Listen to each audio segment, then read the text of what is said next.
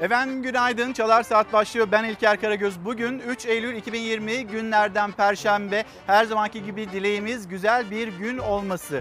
Bugünkü başlığımız sıcak. Türkiye'nin sıcak konuları var, sıcak başlıkları var. Pandemiyle mücadele o sıcak başlıklardan bir tanesi. Doğu Akdeniz, Doğu Akdeniz'deki gelişmeler yine Türkiye'de siyasetin en sıcak konularından başlıklarından bir tanesi. Vatandaşın dikkatle takip ettiği sıcak e, ve dediği başlıksa ekonomi. Tüm bunlara ek olarak bir de 90 yılın en sıcak Eylül ayını yaşıyoruz. Şimdi Ankara, Ankara'yı şöyle bir kameramanımızdan, Fox kameramanı Serhat Yağmur'dan bir rica edeyim, göstereyim. Sonrasında da İstanbul'u yönetmenimiz Hüseyin'den rica edeceğim. Koskoca yaz geçti ve Hüseyin'le son bir derken en sonunda yayında karşılaşma fırsatını da edindik. Hüseyin günaydın. İstanbul Reji'ye günaydın. Ankara'dan selamlarımızı iletelim. Ankara ekibi olarak işte görüyorsunuz e, Ankara, Ankara'da güzel bir gün başlıyor ve yeşilliklerin arkasından şöyle bir baktığımızda başkent Ankara'ya masmavi bir gökyüzünü görmektesiniz. Şimdi hemen Ankara'dan bir de İstanbul'u gösterelim ama Ankara ile ilgili şu bilgiyi de aktaralım. Bugün Ankara'da hava sıcaklığı 38 dereceye ulaşacak ve İstanbul Fox TV'nin penceresinden görmektesiniz İstanbul'u tarihi yarım adamaya baktık. Şöyle bir Zeytinburnu sahiline baktık. İstanbul'da da yine sıcak bir gün olacak. İlk haberimiz Çalar Saat'te 3 Eylül 2020 tarihinde Perşembe günü memleket havası olacak ve başlığımızı bir kez daha hatırlatayım. Sıcak başlığı altında konuşacağız. Sizin sıcak bulduğunuz gündeminiz kendinize dair neyse bizimle lütfen paylaşın ve memleket havası. 5 gündür yanıp kavruluyor Türkiye. Yanmaya da devam edecek. Son 90 yılın en sıcak Eylül'ü başladı. Bugün pek çok ilde rekor sıcaklıklar bekleniyor. Basra'dan gelen sıcak hava dalgası Türkiye'yi çöl sıcaklarına teslim etti. Eylül ayı hiç böyle sıcak olmamıştı. Antalya'da 32 derece olan hava sıcaklığının önümüzdeki 3 günde mevsim normallerinin üzerine çıkarak 40 dereceye ulaşması bekleniyor. Burdur'da 10, Isparta'da 11 derece artacak. Eylül ayı rekorunun kırılacağı tahmin ediliyor. Antalya'da nem oranının %80'lere ulaşması nedeniyle kentin nem bulutları kapladı. Artık şehirde nefes almak bile zor. Diyarbakır 42 dereceyi görmeye hazırlanıyor. Bölgeler için uyarıda bulundu Meteoroloji Genel Müdürlüğü. Marmara'nın kuzeyi, Karadeniz kıyıları, Doğu Anadolu ile Güneydoğu Anadolu'nun doğusunda mevsim normallerinin 3 ila 6 derece, diğer yerlerde ise mevsim normallerinin 8 ila 12 derece üzerinde olması bekleniyor. Uzmanlar özellikle yaşlı, kronik hastalar ve çocukların dikkat etmesi gerektiğini söylüyor. Bol sıvı almak şart. Neyse ki cumartesiden itibaren hava sıcaklıkları doğu illerinden başlayarak biraz düşecek. Aman bu haftaya dikkat Türkiye. Şimdi çalar saatte evden çıkmaya hazırlananlar vardır. Hemen bir hava durumunu paylaşmak istedik sizlerle evden çıkmaya hazırlananlarla. Aynı zamanda Türkiye'nin gündemi, sıcak gündemi, pandemi dün bilim kurulu toplantısı vardı ve uzun süren bir toplantı gerçekleşti. Sonra da kameraların karşısına geçti Fahrettin Koca. Fahrettin Koca'nın cümlelerine baktığımızda dün itibariyle Fahrettin Koca Sağlık Bakanı neler söyledi? Bayramlara dikkat çektiği, düğünlere dikkat çektiği, buralarda dikkatsizlikler yapıldı dedi. Böyle bir biraz sitemkar konuştu. Böyle üzgün ifadeler kullandı. Sağlık çalışanları, kaybedilen sağlık çalışanları ile ilgili. E, kısmen özgürleşme olmalıydı. Biz 1 Haziran tarihinde yeni normal hayat derken aslında böyle kısmen bir özgürleşmeden, tamamen özgürleşmeden 11 Mart'ın öncesinden o günlerde yaşanılan bir hayattan bahsetmedik. Biz daha kontrollü bir hayattan bahsettik ama sonrasında karşımıza hastanelere yine yükler olarak artan vaka sayıları olarak karşımıza çıktı bu tablo demekte. Ve sağlık çalışanlarından bahsetti. Onlar büyük bir mücadele içinde 24 29.865 sağlık çalışanına virüsün bulaştığını açıkladı. 52 personelin hayatını kaybettiğini yine Sağlık Bakanı'nın açıklamalarından öğrendik. Birinci dalganın ikinci zirvesini yaşıyoruz. Biz burada Esin Davutoğlu Şenol e, kendisiyle defalarca yayın gerçekleştirdik. İşlerin iyi gitmediğini anlatan uzmanlarımızdan, doktorlarımızdan bir tanesiydi ve belki de bir 10 gün önce biz birinci dalganın ikinci pikini yaşıyoruz. Burada bu ekranda Çalar Saat'te bunu duymuştunuz.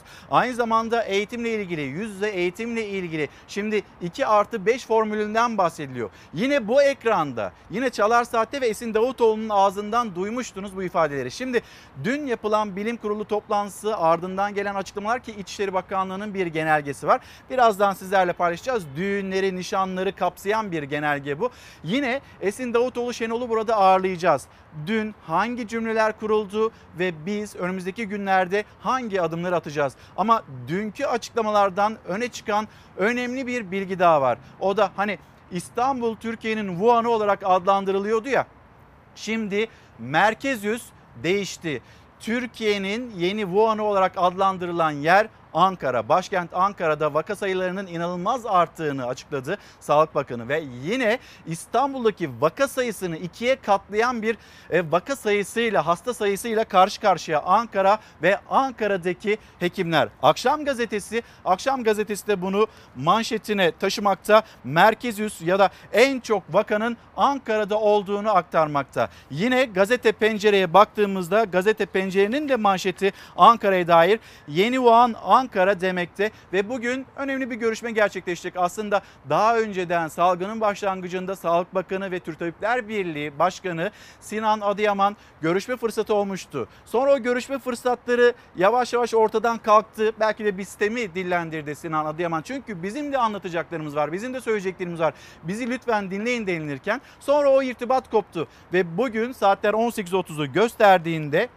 Yine Türk Tabipler Birliği Başkanı Sinan Adıyaman'la Doktor Fahrettin Koca COVID-19 salgınını ve hekimlerle e, sağlık çalışanlarının sorunlarını konuşmak için yan yana gelecekler. Bugün bu görüşmeyi de dikkatle takip ediyor olacağız ve hemen Sağlık Bakanı Fahrettin Koca o sıcağı sıcağına bilgileri paylaşalım sizlerle. Sağlık Bakanı Fahrettin Koca bilim kurulu toplantısından sonra hangi verileri açıkladı ve hangi sistemleri iletti?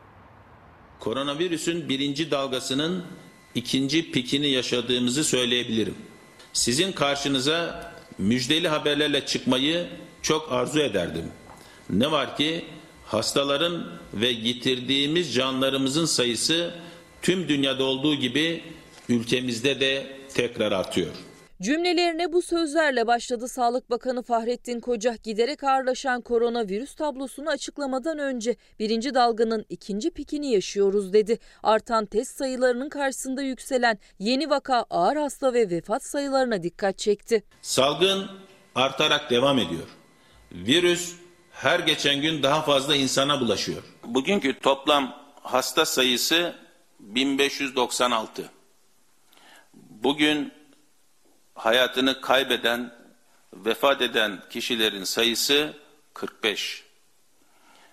Bugün toplam test sayısı 107.927. Bugün iyileşen sayı 947. Ayrıca bu dönemde toplam ağır hasta sayımız 1017. Binin üzerine bugün çıkmış oldu. Virüs gücünü kaybetmedi. Rakamlar bize ölüm ve ağır vaka sayısının arttığını söylüyor. Özellikle ağır vaka sayısını azaltmamız gerekiyor. Risk burada. Mücadelemizin temel hedefi de bunu önlemeye yönelik. Şu anda işimiz bizim Nisan ayından daha zor. Çünkü şu anda Türkiye satına yayılmış. Hemen hemen her şehirde vaka artışlarının gözlendiği bir dönemdeyiz işimiz salgının başladığı dönemden daha zor. Birkaç ilde sınırlıyken kontrol altına almak çok daha kolaydı uzmanlara göre. Ama artık koronavirüs 81 ilin tamamında. Üstelik günlük hasta sayısı da 1596'ya yükseldi. 24 saatte 45 kişi daha virüse yenik düştü. Şu anda salgının az görülen, çok görülen diye bir şey kalmıyor. Öyle bir yayıldı ki yayılmayana da birkaç hafta sonra yayılacak. Bunu önleyecek hiçbir şey yok ortada. Ülke genelinde durum kontrol altında. İstanbul'da, Trakya'da ve Ege bölgesinde ciddi bir artış yok. Orta Anadolu ve Güneydoğu Anadolu'da maalesef bir artış var. Ankara, İstanbul, İzmir, Bursa, Erzurum, Sivas, Kayseri halen yüksek riskli illerimiz arasında. Ülke genelinde farklılıklar olsa da hastanelerimizin yükü artıyor.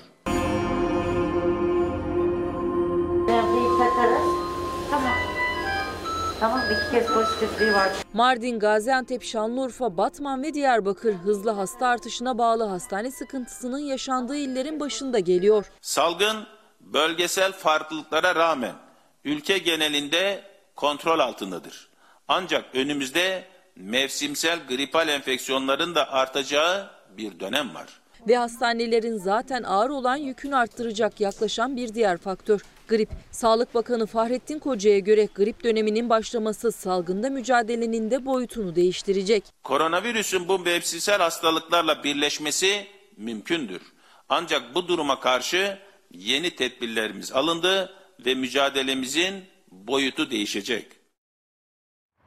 Bizlere günaydın diyen izleyicilerimiz var. Instagram'dan ve Twitter'dan mesajlarını gönderen kendi gündemlerini, kendi sıcak gündemlerini anlatan, hatırlatan izleyicilerimiz. İlker Karagöz Fox Instagram adresim, Karagöz İlker Twitter adresim. Buradan bize kendi gündeminize dair mesajlarınızı ulaştırabilirsiniz deyip hatırlatıp Süreyya Hanım günaydınlar İzmir'e selamlarımızı gönderelim.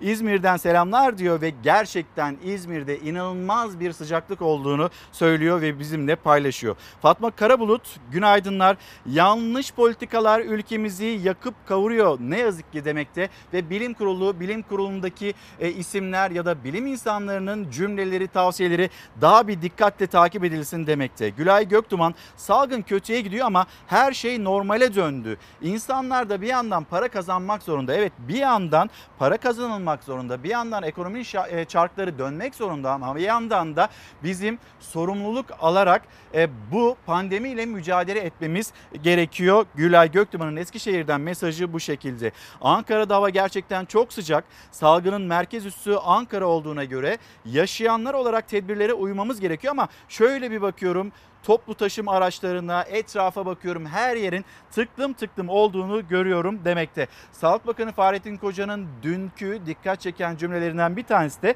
sorumluluk bekliyoruz vatandaşlarımızdan da. Yani ortada bir sorumsuzluk var ve bu sorumsuzluğun ortadan kalkması gerekiyor ve kalkmazsa biz ekonomi şartlarını döndüremeyiz. Biz çocuklarımızı okula gönderemeyiz. Biz büyüklerimizi, yaşlılarımızı koruyamayız ki bununla ilgili önemli dikkat çeken uyarılarda da bulundu. İleri yaştakilerin 60 yaş ve üzeri kronik hastalığı olanların ciddi bir tehlike, tehdit altında olduğunu yine Sağlık Bakanı Fahrettin Koca dillendirdi. Şimdi Ankara ile ilgili konu birazdan Esin Davutoğlu Şenol'la konuşacağız. Ama bu konu o kadar önemli ki biz medya takipten gazetelerin manşetlerini alıyoruz. İşte akşam gazetesinin ilk e, haberini manşetini gördünüz. Yani Ankara, Ankara ile ilgili o manşeti okuyucularıyla paylaşıyor. En çok bakanın Ankara'da olduğunu anlatıyordu akşam gazetesi. Ama aslında taşraya baktığımızda akşam gazetesi bambaşka bir manşetle aslında çıkacaktı okurların karşısına. İlham veren fabrika. Ama dünkü açıklamalar o kadar kıymetliydi, o kadar önemliydi ki akşam gazetesi manşeti yıktı ve salgının merkez üssü olarak yine Ankara'yı işaretledi. Bir gelelim şimdi Hürriyet gazetesine bakalım. Hürriyet gazetesinin manşeti utanmaz adam. Kendisini Uşşaki tarikatının şeyhi Fatih Nurullah olarak tanıtan Eyüp Fatih Şaban 12 yaşındaki kız çocuğunu istismardan tutuklandı. Başka mağdur çocuk olup olmadığının da araştırıldığı bilgisi var. Savcıya göre faaliyetlerini İstanbul'da yürüten Şaban'ın Sakarya Akyazı'da dergi olarak kullandığı yazdığı vardı. Buradaki hizmet işini bazı mürit aileler üstlenmişti. Bu ailelerden birinin 12 yaşındaki kız çocuğu 58 yaşındaki Şaban tarafından istismar edildiği bilgisi rezalet çocuğun ailesine olayı anlatmasıyla ortaya çıktı ve bu utanmaz adam tutuklandı. Hürriyet gazetesindeki manşet çocuklarımızı korumamız gerekiyor. Çocuklarımızı korumamız gerekiyor derken bilmediğimiz, etmediğimiz insanlar, insanların yanına çocuklarımızı götürmememiz gerekiyor.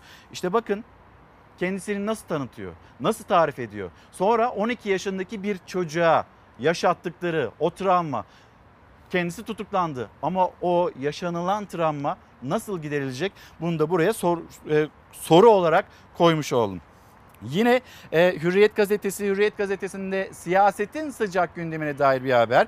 CHP'nin kapısı güle kapandı. Aslında böyle bir gündem yoktu. Yani Cumhurbaşkanlığı seçimi her defasında erken seçim olacak mı olmayacak mı bu tartışmalar devam ederken e, Cumhurbaşkanlığı seçimi 2023'te olacak deniliyor Cumhur İttifakı tarafından. Şimdi isimler bugünden tartışılmaya başlandı. Belki de gündem acaba değişir mi? Dikkatler burada Cumhurbaşkanlığı seçimine kayar mı kaymaz mı? Ekonomiden bu tarafa kayar mı? Belki de böyle bir tartışmanın tezahürüydü. CHP'nin kapısı güle kapandı başlığı ilk sayfada Hürriyet gazetesinde. CHP Grup Başkan Vekili Özgür Özel gündemdeki iki konuyla ilgili net açıklama yaptı. Abdullah Gül'ün CHP'nin adayı olması mümkün değil dedi Özgür Özel. Kılıçdaroğlu'nun Muharrem İnce'yi partiden ihraç etme gibi bir düşüncesinin de asla olmadığını söyledi. Cumhuriyet Halk Partisi belki aday belirleme sürecine girmedi ama belirleyeceğimiz aday dedi Özgür Özel. Cumhuriyet Halk Partililerin seveceği ve benimseyeceği bir aday olacaktır açıklamasında bulundu. Ve bir haber daha düğünlere korona yasakları şeklinde Bilim Kurulu bu konuyu dün uzun süren saatler içinde konuştu, tartıştı ve kameraların karşısına geçtiğinde Fahrettin Koca bununla ilgili tavsiyeler var dedi. Yani 14 ille ilgili düğünler, buralarda e, kısıtlamalar gündeme gelmişti. Şimdi bütün ülkeyi kapsayan bir adım atılabilir dedi. Bu açıklamayı yaptığı bir saat sonra İçişleri Bakanlığı'ndan da bunun genelgesi geldi. Düğünlerle ilgili e, organizasyonun daha çok nikah tarzında olması, yemekli bir organizasyon tarzında olmaması, nişan, kına gibi etkinliklerin Türkiye çapında yapılmaması şeklinde bilim kurulumuzun da bir önerisi oldu. Sünnet düğünleri dahil olmak üzere. Bilim Kurulu'nun düğün organizasyonları ile ilgili tavsiyelerini paylaştı Bakan Koca. Bir saat sonra İçişleri Bakanlığı genelge yayınladı. Covid-19 tedbirleri konulu ek genelge kapsamında 14 il için düğün, sünnet, kına gecesi gibi etkinliklere gelen kısıtlama ülke genelinde uygulanacak. Genelge 81 ilin valiliğine gönderildi. Artık ülke genelinde düğün, sünnet düğünü, kına gecesi, nişan ve benzeri etkinliklere müsaade edilmeyecek. Nikah merasimleri en fazla bir saat süre içerisinde tamamlanacak. Bir saatlik nikah töreni düğün salonunda yapılacaksa dans pisti kapalı olacak. Oturma düzeni sosyal mesafe kurallarına göre ayarlanacak. Yiyecek, içecek servisi yapılmayacak. Etkinliklere 65 yaş üstü ve 15 yaş altı katılamayacak. Denetim için bir kamu görevlisinin bulunması da şart. Salgının kontrolden çıktığını asla söyleyemeyiz. Ama tedbirlere uyum noktasında üzerimize düşeni yapma noktasında hassasiyet göstermezsek sonucu farklı olabilir. Bakan Koca bu sözlerle uyardı vatandaşları. Salgın kontrolden çıkmadı ama tedbiri elden bırakırsak tehlike kapıda mesajını verdi. Sadece sosyal mesafe ve maske tedbiri yeterli değil virüsten korunmak için. Sağlık Bakanı Fahrettin Koca bilim kurulunun önerilerini madde madde paylaştı. Henüz kesin bir tedavisi olmayan Covid-19'un üzerine grip sezonunun da başlayacak olması endişeleri artırıyor. Bilim insanları bu dönemde hem gribe hem de Covid-19'a yakalanmanın tehlikesini her seferinde vurguluyor. Bakan Fahrettin Koca aşıların tedariğinden aşı önceliği olanların belirlenmesine kadar planlanan uygulamayı anlattı. Geçen yıla göre bu yıl daha fazla grip aşısının, zatürre aşısının e, tüketileceğini biliyoruz. Bununla ilgili de kimlere grip aşısı yapılması gerektiği, zatürre aşısı yapılması gerektiği ile ilgili bir algoritma zaten geliştirildi. Grip aşısı geçen yıldan daha fazla, iki kat, üç kat hatta dört kat olsun çabası içindeyiz. Bununla ilgili bağlantıları yapmış olduk. Kimlere zorunlu grip ve zatürre aşısının yapılması gerektiğiyle de ilgili zaten bir çalışma bilim kurulu tarafından da yapılıyor. Bu anlamda zorunlu olan kişiler için e, önerdiğimiz bir algoritma olmuş olacak. Bu yıl bu anlamda sorun yaşamayacağımızı düşünüyorum. Ama geçen yıla göre 3 kat hatta 4 kat e, bu anlamda tedarik içinde olacağımızı söylemek istiyorum. Birçok ülkede geliştirilen aşılar gönüllüler üzerinde deneniyor. Türkiye'de deneme aşaması nasıl gerçekleşiyor detayları Bakan Koca verdi. Özellikle şu an iki aşıyla ilgili yurt dışından iki aşıyla ilgili TİTÇK Bakanlığımız onay vermiş oldu. Faz 3 çalışması için. Ve bu faz 3 çalışması için her bir için farklı 8-10 merkezde bu çalışmalar devam ettiriliyor olacak. Biz bu çalışmalara izin verilirken gönüllülük esasına göre bu izinler veriliyor. Yani hiç kimseyi zorlayan bir çaba içinde değiliz. Dolayısıyla gönüllülük esası üzerine olan bu çalışmaları bizim biliyor olmamız, daha sonra kullanım içinde son derece önemli olduğunu belirtmek istiyorum. Yani bunu bir zorlamayla yapmıyoruz. Bunu tamamen gönüllülük esasına göre yapıyoruz. Ama bu gönüllülük esasına göre bu üzerinde çalışılan aşılarla ilgili bizim e, temelde var olan etkinliğini görmemiz de son derece bizim için önemli. Fahrettin Koca maçların nasıl oynanması gerektiğine dair önerileri de paylaştı. Belli bir döneme kadar belki ilk yarı yıl e, ilk yarısı için e, yılın e, müsabakaların seyircisiz olması şeklinde bir öneri var. Bunu e, söyleyebilirim. Yani seyircili olmaması, seyircisiz futbol müsabakalarının devam etmesi şeklinde bir bilim kurulunun önerisi var. Bilim Kurulu'nun aldığı tavsiyeler var. Bunların bir kısmı hayatta geçti. Bir kısmının önümüzdeki günlerde hayata geçmesi mümkün gözüküyor. İşte biliyorsunuz az önce de paylaştık. Düğünler, nikahlar, cenazeler, taziyeler buralarda kısıtlamalar geldi. Maçlar e, sezonun ilk döneminde seyircisiz oynanabilir. Bunun da açıklaması yakın bir zamanda gelebilir. Bir de aşı teminiyle ilgili sizlerden de sorular geliyor. Onlara da bakalım gündeme e, sıcak başlığı altında katkıda bulunan izleyicilerimiz var. Onlara da günaydın diyelim. Mesela Melek Hanım bizlere Bursa'dan yazıyor. Lütfen Bursa'ya dikkat edilsin. Burada maske takma konusunda ciddi zafiyetler olduğunu söylüyor. Oktay Bey yine Bursa'dan. Leyla Aydın Tekin Arslan Ankara'dan günaydın demekte bizlere. Ee, Mirza Yılmaz günaydınlarımızı iletelim. Burak Bey diyor pandemi döneminde grip aşısı olmayı öneriyor mu Esin Hanım'a sorabilir misiniz? Birazdan kendisi burada olacak. Esin Davutoğlu Şenol aslında biz bu konuyu konuştuk. Öncelik risk grubunda olanlar e, onlarla ilgili hem grip aşısı hem de zatürre aşısının yapılması gerekiyor. Çünkü e, geçtiğimiz yıllarda ne kadar grip aşısı temin ediyorsak bu senede o kadar temin edilebilir ilk aşamada. Sonra 2 kat, 3 kat belki 4 kat artırabiliriz dedi Sağlık Bakanı. Ama en nihayetinde önceliği biz kronik hastalığı olanlar ya da bu hastalıklarla ilgili yakın zamanda e, sıkıntı yaşamış olanlara o önceliği vermemiz gerekiyor. Bunu hatırlatalım ama grip aşısının da zatürre aşısının da çok önemli olduğunun vurgusunu dün Sağlık Bakanı Fahrettin Koca da yaptı. Songül Hanım günaydınlar. Herkes işe gitmek zorunda yoksa virüsten değil açlık ve yoksulluktan ciddi sıkıntılar yaşayacağız ve borçlarımız var. Bankalara borçlarımız var. Bunları ödemek zorundayız demekte. Eşinden bahsediyor. Gıda sevkiyatçısı yeri geliyor 2 ay eve gelmiyor ve biz asgari ücretle geçinmek durumunda olan bir aileyiz demekte. Şimdi yine bir mesaj daha var.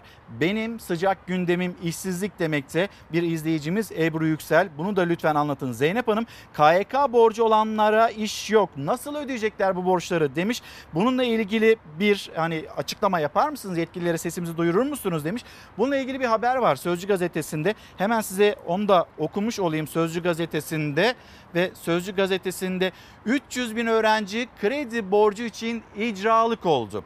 Üniversiteyi bitirip işsizler ordusuna katılan 300 bin öğrenci kredi borcu için icralık oldu. Diplomalı gençlerin sorununu CHP'li Sevda Kılıç mecliste taşıdığı kredi borcunu ödeyemeyen 5 milyon öğrenci olduğunu belirterek borcun yarısının silinmesi için yasa teklifi verdi. Madem gençlerimizden bahsediyoruz hemen Karar Gazetesi'nin logosunun üzerinde sür manşetinde yine gençlerimizi ilgilendiren bir haber var. Onu da aktarmış olalım. Bu gençleri nasıl tutarız? Yeditepe Üniversitesi ile MAK danışmanlık anketinden çarpıcı sonuçlar çıktı. 18-29 yaş grubunun %23'ü hiç mutlu değilim. %27.5'i mutlu değilim dedi. Mutlu olduğunu söyleyenlerin oranı %18.2'de kaldı. Katılımcıların %77.9'u hiçbir partinin gençlerin sorunlarını çözmek için yeterli politikalar üretemediğini belirtti. Gençlerin %76.2'si fırsat olursa yurt dışına gitmek isterim dedi. %64'ü ise başka ülkenin vatandaşlığına geçebileceğini söyledi. Gençlerimize umut veremiyoruz. Gençlerimiz daha mezun olur olmaz borçlular ve iş bulabilme konusunda ciddi kaygıları var ve gözlerini memleketlerinden yurt dışına çevirmiş durumdalar. Ve ileride ilerideki teknoloji şu anda Avrupa'da Avrupa Birliği'ne üye olan ülkelerde Almanya'da mesela ya da Hollanda'da şu anda Ankara'dan özellikle giden mühendisler, Türk mühendisler yürütüyor. Devletin yetkilileri bunun ne kadar farkında bilmiyoruz ama Türkiye'den giden genç beyinler orada geleceğin dünyasını inşa ediyor. Ve biz kendi ülkemizde bu gençleri tutamıyoruz maalesef. Türkiye'de işe girebilmek için liyakat mı daha etkili, torpil mi sorusuna %77.6 torpilin daha etkili olduğu yönünde cevap verildi. Torpille ilgili bir haber var. Onu da hemen ekranlarınıza taşıyalım. Meral Akşener artık böyle yine sokakta böyle dikkat ediyor kendisine sağlığına ama bir yandan da esnafın sorunlarını dinliyor. Meral Akşener sokakta gezerken esnaf arasında dolaşırken karşısına bir kişi çıktı. 46 yaşında 23 yaşında çocuğu var ve evini geçindirmeye çalışırken bakın nasıl bir durumla karşı karşıya kaldı. Bakın neden işsiz kalmış. Ben e, Hisar Şarkı'ndan ismim Ramazan Yılmaz. 46 yaşındayım. 23 yaşında da bir tane oğlum var. İş arıyordum, buldum. Etibor işletmelerinde şoförlük. Yalnız AK Parti ilçe başkanlığından icazet almadım diye beni bir hafta çalıştıktan sonra işten çıkarttılar. Pandemi döneminde. Yasak olmasına rağmen Böyle bir haksızlık olur mu ya? İyi Parti Genel Başkanı Meral Akşener duydukları karşısında hayrete düştü. 46 yaşındaki Ramazan Yılmaz kendi imkanlarıyla bulduğu işten AK Parti ilçe başkanının talimatıyla çıkarıldığını söyledi.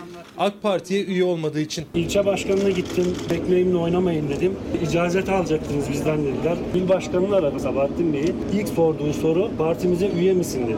AK Parti ilçe başkanı o taşeron şirketin sahibini aramış. Demiş ki üyemiz değil onu işten atacaksın. Günahtır, günahtır.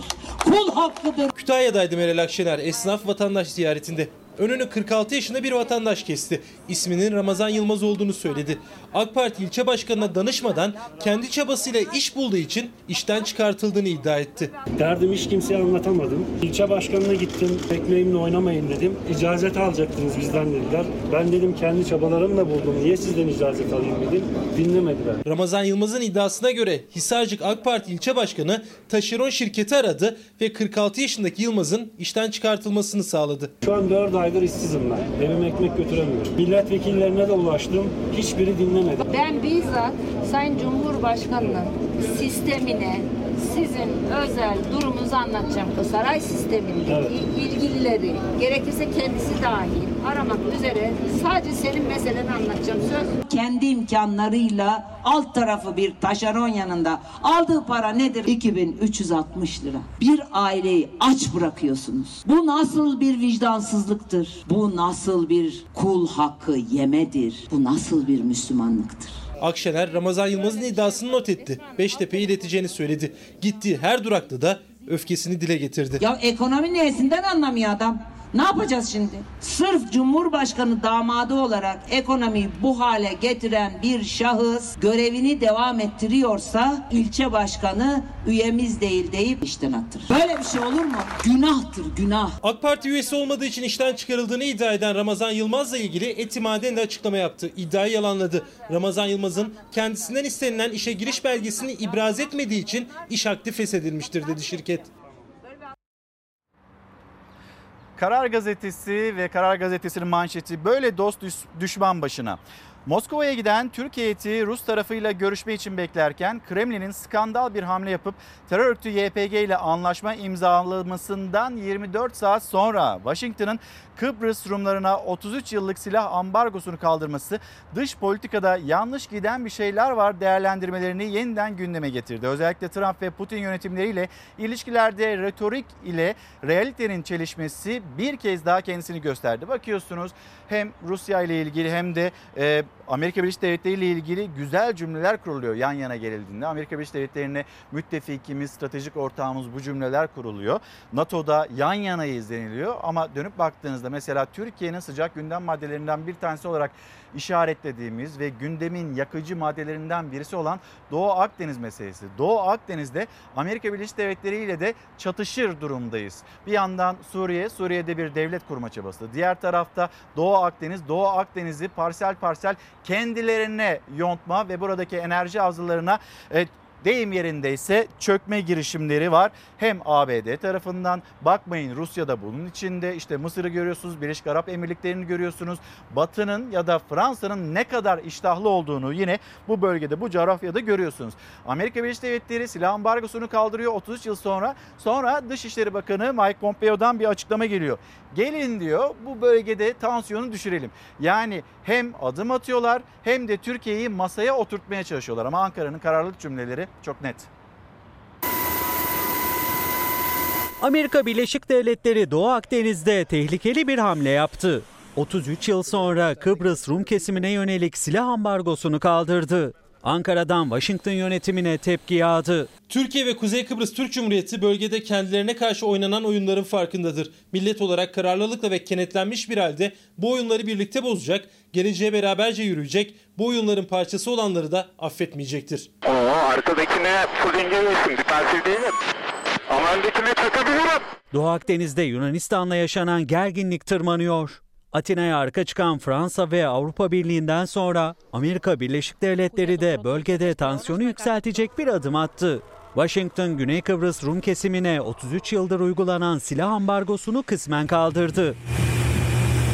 Amerika Birleşik Devletleri Dışişleri Bakanı Mike Pompeo, Güney Kıbrıs lideri Anastasiadis'i arayarak kararı duyurdu. Pompeo sosyal medyadan da Güney Kıbrıs Rum kesiminin Doğu Akdeniz'de kilit ortak olduğunu vurguladı. Gelecek mali yılda Kıbrıs Cumhuriyeti'ne uygulanan öldürücü olmayan savunma malzemeleri ve hizmetlerinin satışına getirilen kısıtlamaları kaldıracağız. Amerika'nın aldığı karar berbat bir karardır. Adanın barışına katkı sağlamaz. Doğu Akdeniz'de suları ısındırtmaya devam eder. Kıbrıs'taki kimsenin kuzeyindeki güneyindeki kimsenin menfaatine değildir. Amerika Birleşik Devletleri'nin kararı Ankara'da büyük tepkiyle karşılandı. Dışişleri Bakanlığı kararın müttefiklikle bağdaşmadığına dikkat çekti. Tekrar gözden geçirilmesini istedi.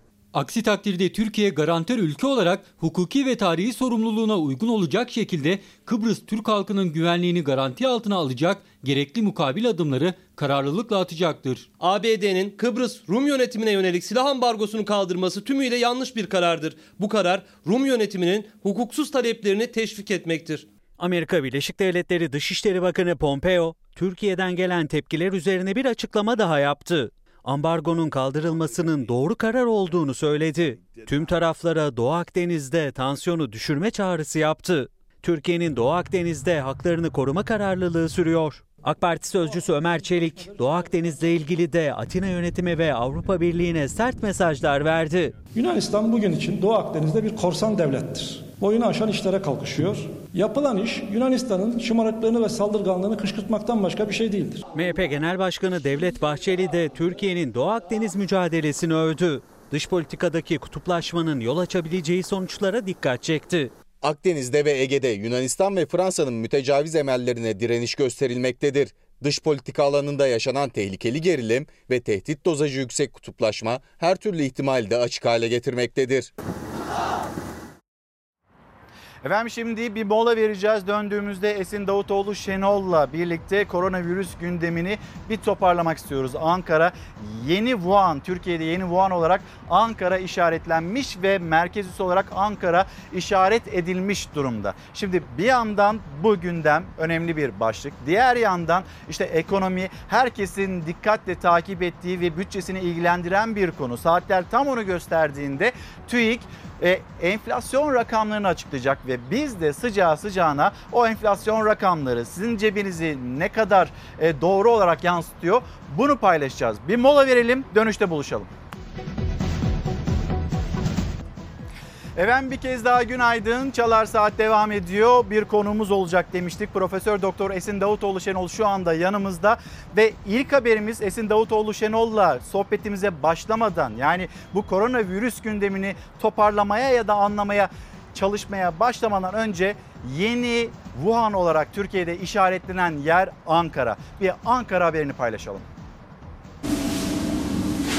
Türkiye'de vaka sayısının en fazla olduğu il Ankara. İstanbul'u iki kat oranında geçmiş durumda. Dolayısıyla bu anlamdaki tedbirleri Ankara'da daha yoğunlaştıran bir yaklaşım ve çaba içindeyiz. Salgının merkezi ilk iki ay İstanbul'du. Şimdi başkent Ankara. Bizim gördüğümüz en büyük kaynak özellikle bayram ve bayram sonrası yoğun düğün ve benzeri etkinliklerin olduğunu görüyoruz. Şehirler arası dolaşımı kontrol altında tutmadığınız sürece bu işi kontrol etmeniz mümkün değil. Resmi bir rakam açıklanmamıştı ama Ankara son günlerde vaka sayılarında en hızlı artışın yaşandığı il olarak gündemdeydi. Hatta yoğun bakımların doluluk oranı tartışması Ankara Tabip Odası ile İl Sağlık Müdürlüğü'nü karşı karşıya getirdi. Şu anda e, pandemi hastanesi olarak çalışan hastanelerde yoğun bakımlar ve neredeyse hasta kabul edemeyecek durumda.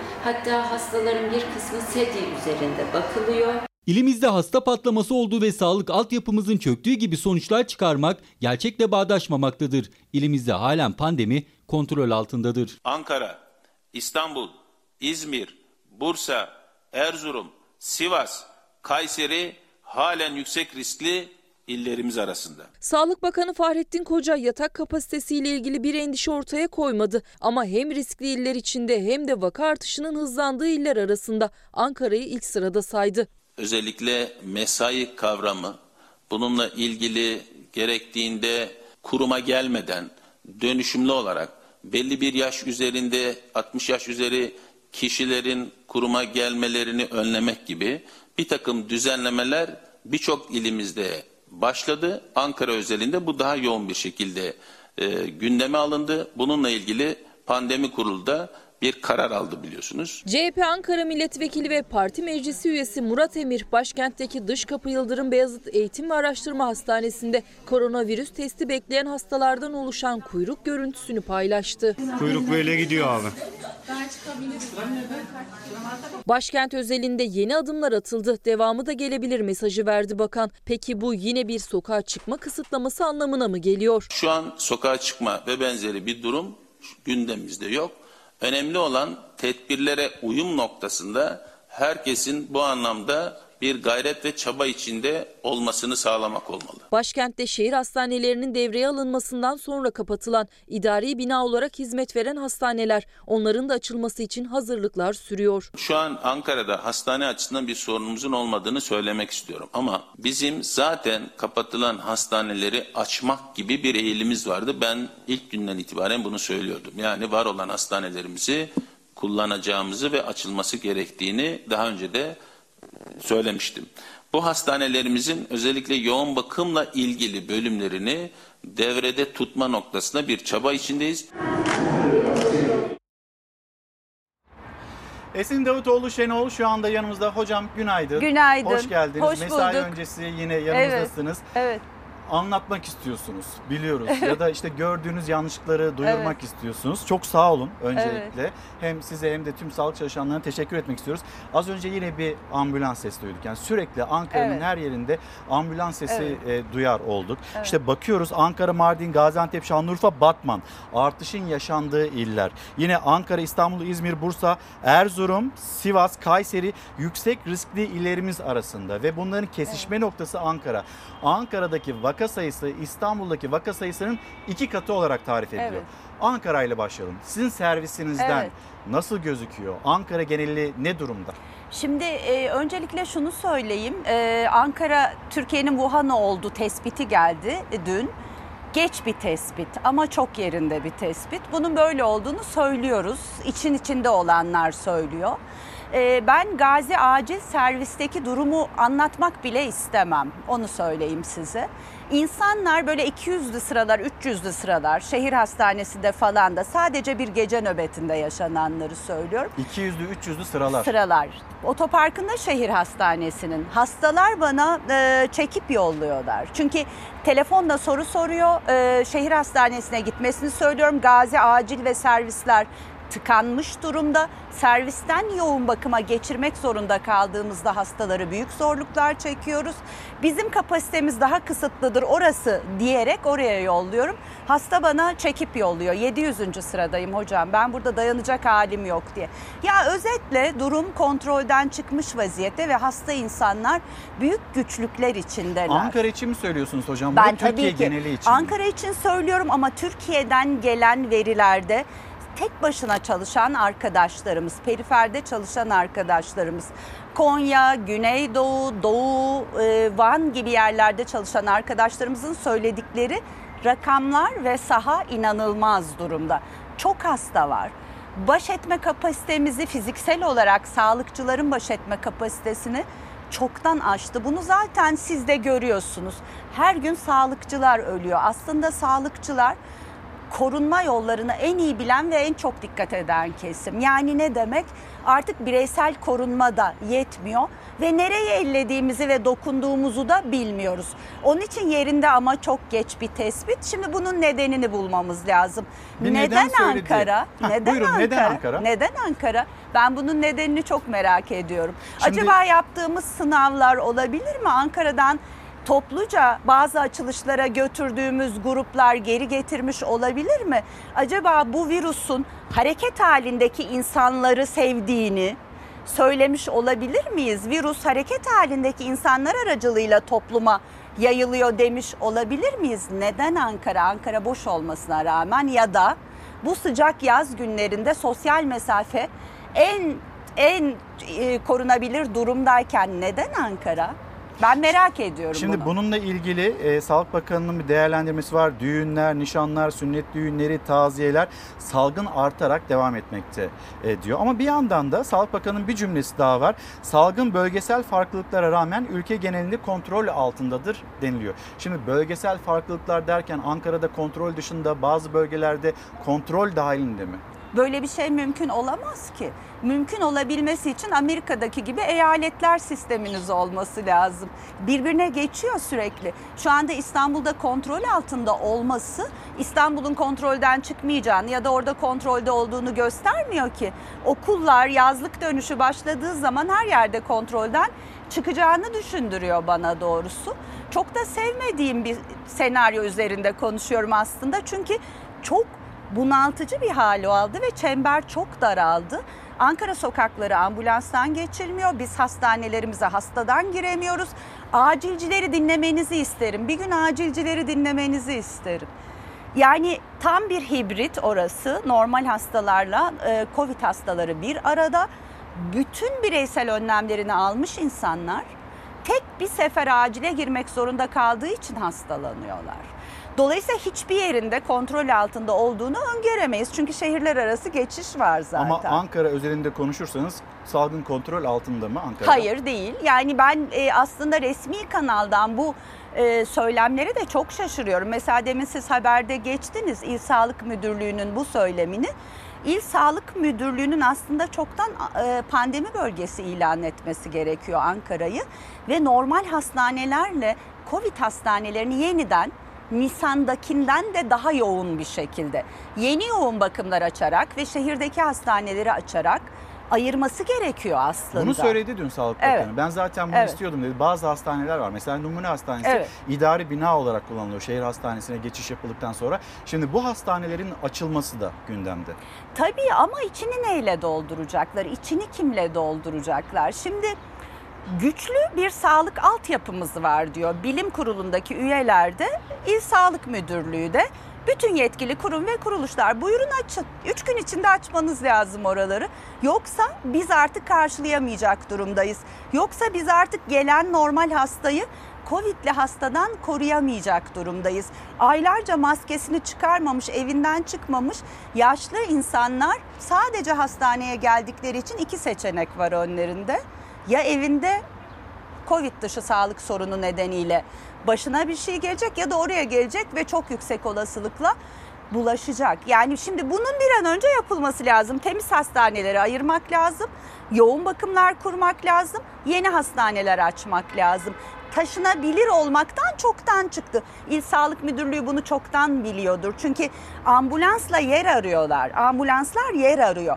19. hastanesiniz siz sorduğumuz diyor. Biz hasta bakıyoruz. Sahanın 19. tabii hastane mi? tabii sahanın içindeyiz. Şimdi ben bunun e, doğru olduğunu söyleyebilir miyim oradaki? Yani 1, 2, 3 Tabii. değil 19. Tabii hastane. ki Yer yok. gezdirir tabii ki.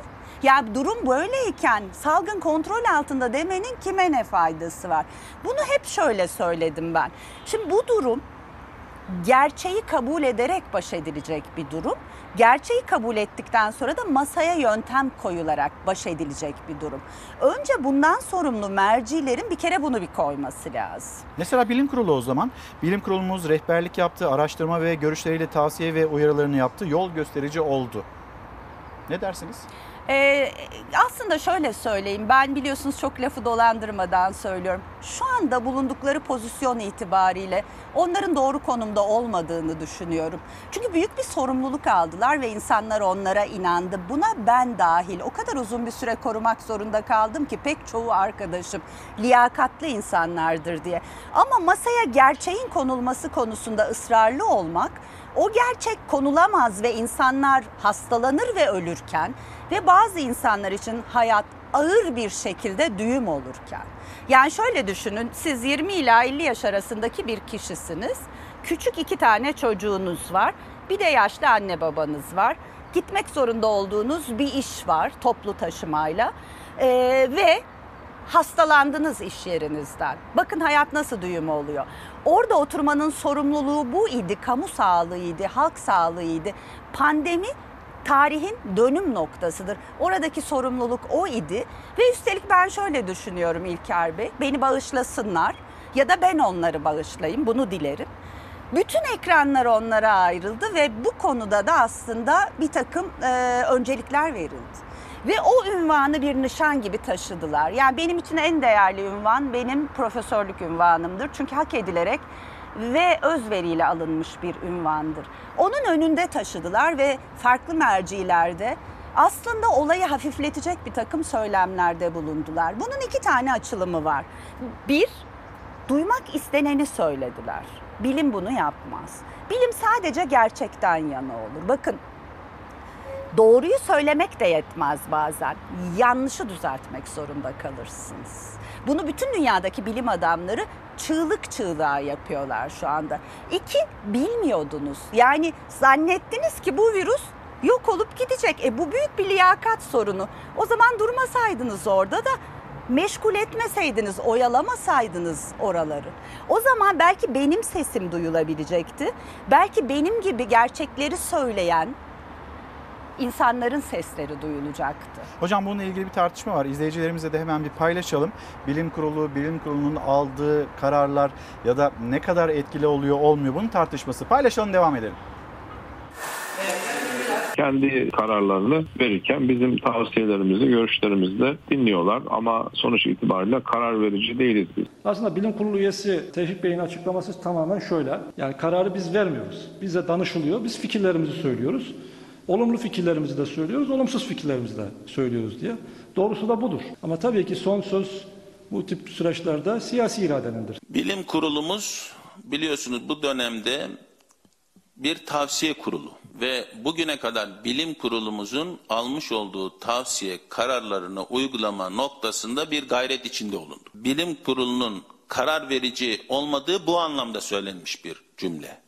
Yani bilim kurulu tavsiye ediyor ama karar alma noktasında bir bilim kurulu olmadığını hepimiz biliyoruz. Koronavirüs Bilim Kurulu üyesi Profesör Doktor Tevfik Özlü'nün yetkimiz yok açıklamasını AK Parti sözcüsü Ömer Çelik de Sağlık Bakanı Fahrettin Koca'da doğruladı. Yetki siyasi iradede dedi. Oysa alınan çoğu kararda aylardır bilim kurulu işaret ediliyordu. Uzmanlar da yetki kimde diye sordu. Arkadaşlarımız bunları zaman zaman dile getiriyor. Eğer insanların söyledikleri olmuyorsa, yapılmıyorsa o tabii gene o arkadaşlarımızın bileceği iştir. Ama bir taraftan da bakanlık biz bilim kurulumuzun dediği şeyleri yapıyoruz diye açıkladığı için. Niye şunu şöyle yapmadınız, niye bu kararı almadınız, niye şunu kararı aldınız, niye bunları serbest bıraktınız filan gibi soruyorlar. Oysa hani e, bizim öyle bir yetkimiz yok. Bu ifadelerini yürütmeye yaptıramıyorlarsa belki biraz daha e, sert bir şekilde bunu ifade etmek ve bir akıl birliğiyle bu seyri yönetmek daha doğru olurdu. Bu işten memnun olmayan arkadaşlarımız da zaten ayrılabilir şeyden bilim kurulundan. Bu da insanları oraya çünkü danışma kurullarına zorla görevlendirilmiyor. Sağlık Bakanlığı Bilim Kurulu büyük emek verdi. Çok güzel işler yaptı. Çok hoşumuza gitti. Ancak bir yerden sonra sanıyoruz bir e, kopukluk yaşanmaya başlandı ki bunun başında özellikle açılım dönemindeki kararlar gelmekteydi. Esnetilen ya da hiç devreye girmeyen tedbirlerle ilgili gözler hep bilim kuruluna çevriliydi. Ancak aylar sonra bilim kurulu üyesi Profesör Doktor Tevfik Özlü sadece tavsiye verdiklerini, hükümetin diğer sektörlerden gelen talepleri de göz önünde bulundurduğunu net bir dille anlattı. Sağlıkla ilgili konularda biz fikrimizi rahatlıkla dile getiriyoruz. Yani olumlu olumsuz lehte aleyhte farklı fikirleri e, dile getiriyoruz. Ama tabii e, pek çok sektörden çok farklı talepler, istekler var. Bunlar da hayatın diğer tarafları yani bunları da yönetim herhalde dikkate almak zorunda bir şekilde. Yani bilim kurulu bir danışma kuruludur. Dünyanın her yerinde. Bu ne tek başına doktorların vereceği karar, ne tek başına siyasilerin vereceği karar. Ömer Çelik danışma, Sağlık Bakanı Fahrettin Koca ise virüsle mücadelede rehber yol gösterici olarak tanımladı bilim kurulunu. Bilim kurulumuz bu dönemde karar süreçlerimizde rehberlik yaptı. Araştırma ve görüşleriyle bazen tavsiye, zaman zaman da uyarılarını yaptı. Ülke olarak aldığımız kararlarda, uyguladığımız tedbirlerde yol gösterici oldu. Bazı programlarda bile çok çeliştik. Bazı değerli hocalarımız bilmiyorum inanarak mı, inanmayarak mı ama testlerin daha çok olması gerektiğini söylememize rağmen bunların yapılmasının bu kadar yoğun, çok anlamlı olmayacağını ifade ettiler. Kardiyoloji profesörü Bengi Başer'e göre kurulun kararı olarak duyurulan bazı adımlar zaman zaman tıp camiasında da şaşkınlık yarattı. Kalabalıkların, işte sınavlara girişlerin, buradaki etkileşimlerin bu e, salgının seyrini olumsuz etkileyeceğini ifade ederken aslında buna ait bir veri olmadığını da ifade ederek biraz burada soru işaretleri yarattılar. Hocam şimdi İstanbul'da, Trakya'da, Ege'de ciddi artış yok dedi Sağlık Bakanı. Orta Anadolu, Güneydoğu Anadolu'da artışlar olduğunu söyledi. Birinci dalganın ikinci zirvesini yaşıyoruz ki siz bunu bir 10 gün önce yine burada Çalar Saat'te yayın yaparken söylemiştiniz. Tekrar Ankara özeline gelecek olursak bir genel değerlendirme isteyeceğim ama mesela sokağa çıkma yasağı ya da benzeri durum yok dedi. Nasıl bir yol izlenmeli şimdi bundan sonra? Şimdi şöyle söyleyeyim, e, çok naif geliyor tabii bana. Karşımızda sahnede virüs var. Virüs çok kıvamında. Nasıl kıvamında anlatamam. Tekrar eski bulaşma hızını da buldu. Gayet güzel bulaşıyor. Biz ilk günlerde size şey anlatıyorduk ya bir kişi 15 günde 425 kişi olur. Bir kişiden 2'ye, 2'den 4'e, 4'ten 16'ya gider bu diye anlatıyorduk ya. O eğriyi çiziyor şimdi virüs. Nereden mi biliyorum? O turkuaz tabloya yansıyan kısıtlı rakamda bile şunu görüyoruz. Aktif vaka sayısı son bir ayda %75 artmış. Ağır hasta ki dünya genelinde ağır hasta tüm vakaların %1'idir. En fazla %5'idir bunu da söylemiştim. %5 ise oraya yansıyan aktif vaka onu 20 ile çarpmanız gerekir. Ne demek bu virüs tam kıvamında. E ne olacak yani ne bekleniyor? Şöyle bir şey yok. Doğada virüsler kaybolmuş böyle bir şey yok. O virüs Ama mesela yaz aylarında hafifleyecek diyenler oldu. Evet. Evet yani ve üstelik o masada oturan insanlar bunu söylediler. Yani şöyle bir şey söyleyeyim. Ben buna e, tehlikeli iyimserlik diyorum. Konu bir pandemi ise pandemi savaştan da daha büyük bir şeydir ve pek çok afetin çok üstündedir. Bugün bunu içinden geçerek yaşıyoruz. Böyle tuhaf, naif bir iyimserliğin hiçbir rolü yok. Eğer bir müdahalemiz olacaksa bu virüs gitmeyecek. Bu virüs sahnede ben ne yaparak bunu kontrol altına alabileceğim? Bunu biliyoruz. Biz sadece okulları kapatarak salgının %30'unu kontrol altına alabilmiştik ama 3-4 hafta sonra. Şu noktadan itibaren hareketliliği %50 kapattığımız anda ki insanlar kapalı alanlarda değiller şu anda. işine gitmek zorunda değilse ya da e, toplumda zaten 1500 vaka var onu da bizimkiler iyileştiriyor diye düşünüp düğünlerde, nişanlarda halay çekmiyor ise geri kalan mesela Ankara'nın %50-60'ı büyük bir dikkatle yaşıyor. Buna rağmen bu kadar bulaşıyorsa masaya bir şey koymak zorundasınız. Koyacağınız şey e, hibrit Ne olabilir? Masaya neyi koyabilir? Mesela ben burada sizinle bunu paylaşmıştım. Ee, ekonomiyi çok etkilemeden çıkışlar var mı modellemeleri var dünyada demiştim. Dünyada aslında Türkiye'de de çok iyi ekonomistler ve salgın bilimciler var. Onlar da söyler esasında. Şuydu olay mesela İsrail'den bir model söylemiştim. İki gün e, çalış, beş gün çalışma modeli gibi modeller, riskli grupların evden çalışması gibi e, kısmi, basamaklı, çok katmanlı sistemler ve açtığınız her yere mercek tutmak. Açtığınız yer bir fabrika mı Tesla arayacaksınız. Ben şunu da çok merak ediyorum aç açmayın dememiştik biz baştan da. Açın ama test yapın. Açın ama Yani e, sokağa çıkma evet. yasağı olmasın. Ama Hayır, onu söyleyemem. Eğer bir kısıtlama olmak durumunda kalabilir ya da ama- bazı yerler açılacaksa buralarda mutlaka test yapılmalı. Evet ama sokağa çıkma yasağını niçin ağzıma bile almıyorum? Çünkü bizde sokağa çıkma yasağı iki tane cezaya dönüştü ve bence geri tepti bu. Bir tanesi 65 yaş üzeri çok ağır ağır şeyler yaşadılar onu söyleyeyim. Hem psikolojik hem fiziksel olarak ve işe de yaramadı gördüğünüz gibi. Yarasaydı ikinci pike gitmiyorduk şimdi.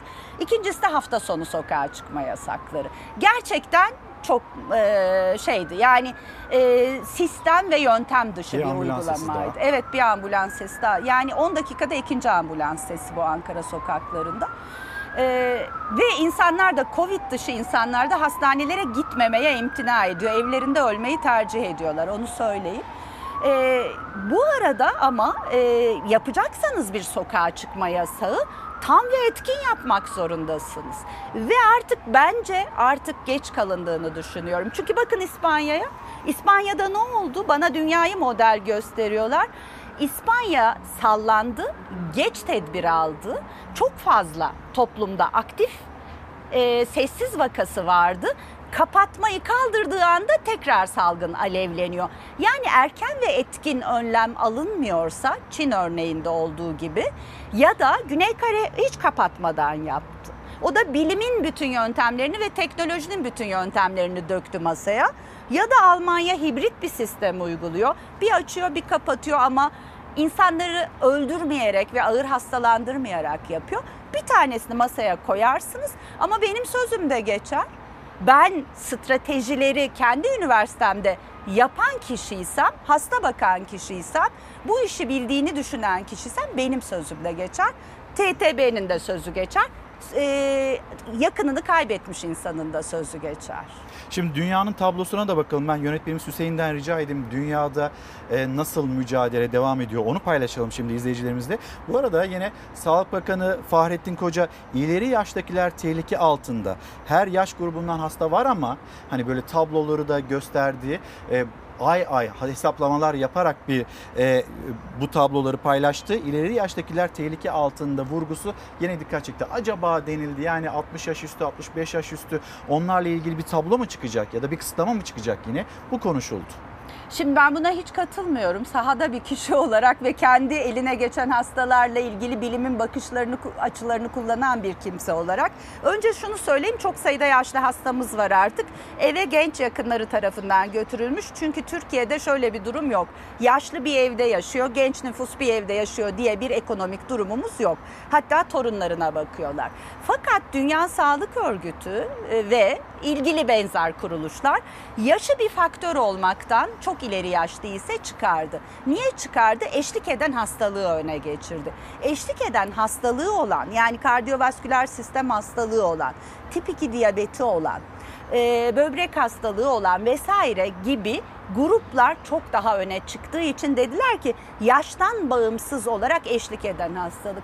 Türkiye'nin kronik hastalık haritası kötüdür. Ben bunu aşı ile, erişkin aşısıyla çok uğraşan, bu sistemi kurmuş insanlardan biri olarak bütün e, dernek verilerinden ve TÜİK verilerinden ve Dünya Sağlık Örgütü'nün Türkiye ile ilgili koyduğu istatistiklerden bulup çıkarmış kişiyim. 50 yaş üzerindeki insanların %50'sinde onu risk altında bırakacak bir hastalık vardır Türkiye'de. 60 yaş üstü için bu da %60'tır. Demek istiyorum ki yaştan bağımsız yeterince risk faktörümüz var zaten. Risk gruplarını geride tutmamız gerekiyor. Bu kadar.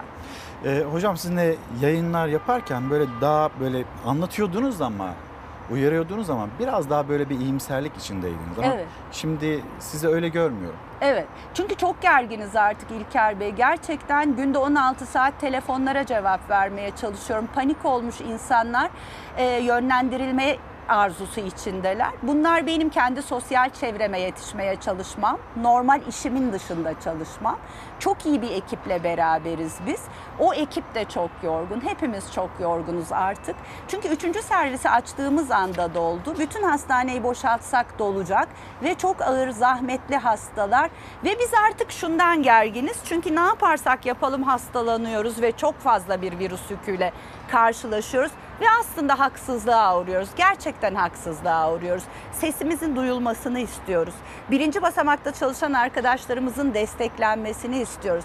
Yardımcı sağlık personelinin tecavüz tehditleri yerine destek almasını istiyoruz. Seslerinin duyulmasını istiyoruz. Sağlıkçılar çok güç durumda. Daha önce size bu örneği vermiştim. Bu havada bozulmuş bir uçak örneği. Uçaktaki pilotu ve hostesleri yok ediyorsunuz. Bu olamaz, kabul edilemez. Gerçekliği ortaya koyalım. Durumun ciddiyetini kabul edelim. Bu iyimserliğin önündeki engel değil. Benim tek iyimserliğim, benim tek iyimserliğim bilimde ve metodolojide ve dürüstlükte. Onu söyleyeyim. Onun dışında aslında iyimser karşılanacak hiçbir şey hiçbir zaman olmadı.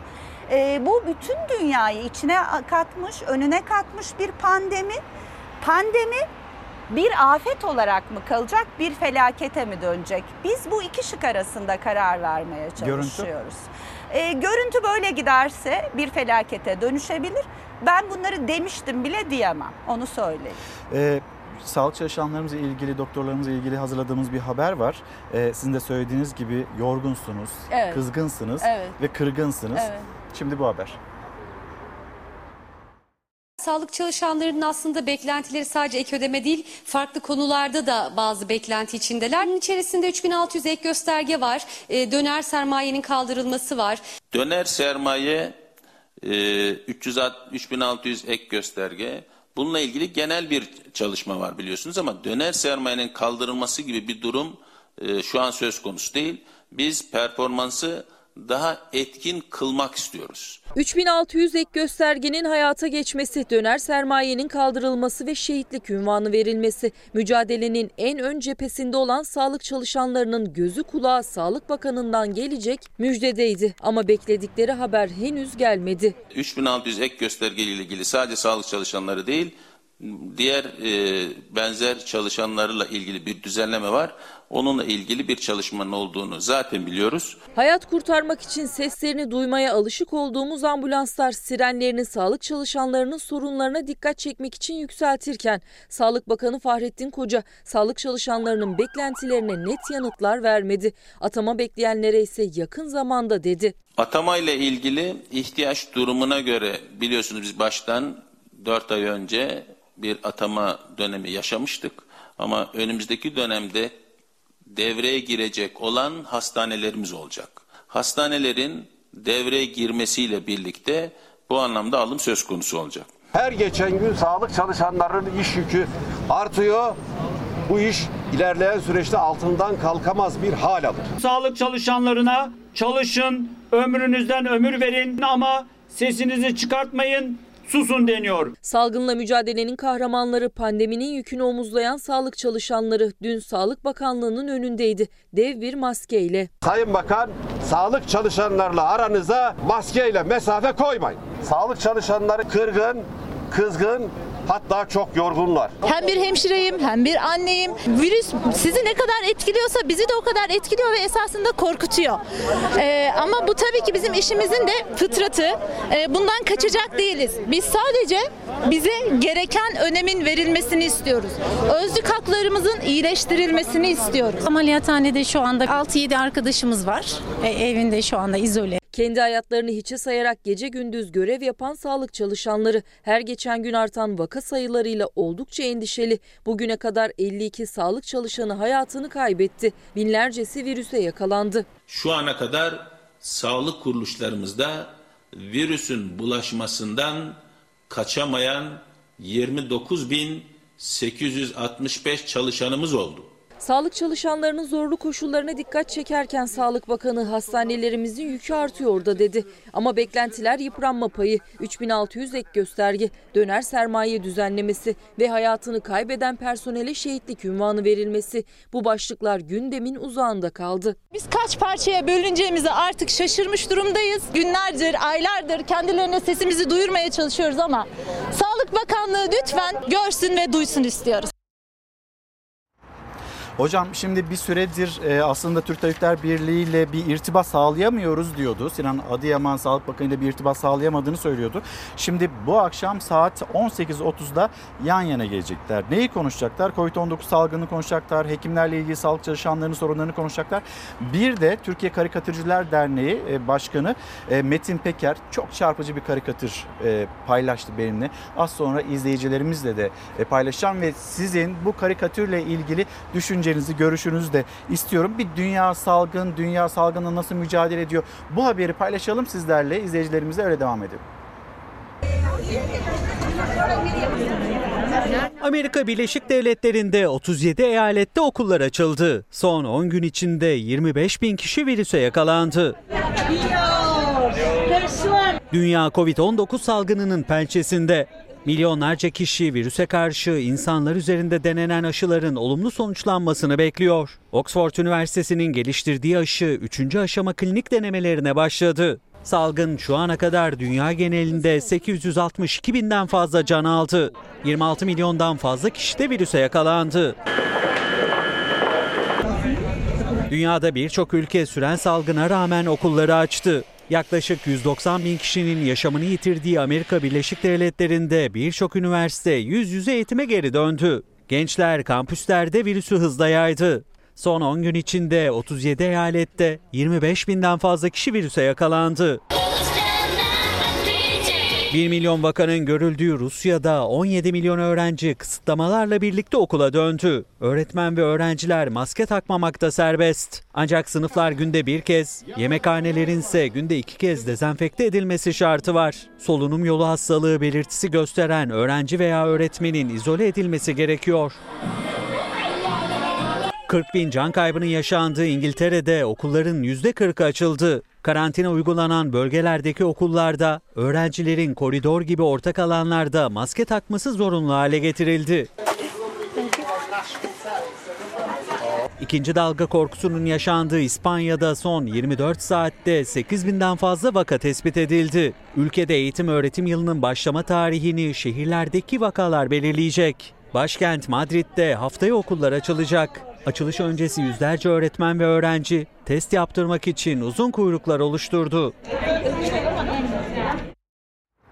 Efendim şimdi çok çarpıcı bir karikatür ve bu karikatürün çizeri Doktor Kadir Doğer yani Türkiye Karikatürcüler Derneği'nde yine yönetim kurulunda yer alan bir isim, bir hekim kendisi. İşte görüyorsunuz bir doktor kendi resmi göğsünde ve orada iğneyle iliştirilmiş o fotoğraf ama bedenine batmış çıkmış yine o iğne ve yine kendi e, fotoğrafının üzerinde de kanlar var. Şimdi ne diyorsunuz? Yani nasıl bir tarif sizce bu karikatürle? Ee, yani sanat iyi ki var. İyi ki var. Söyleyemediğim ne varsa var o karikatürde aslında. Ee, yani şöyle sorayım size ben.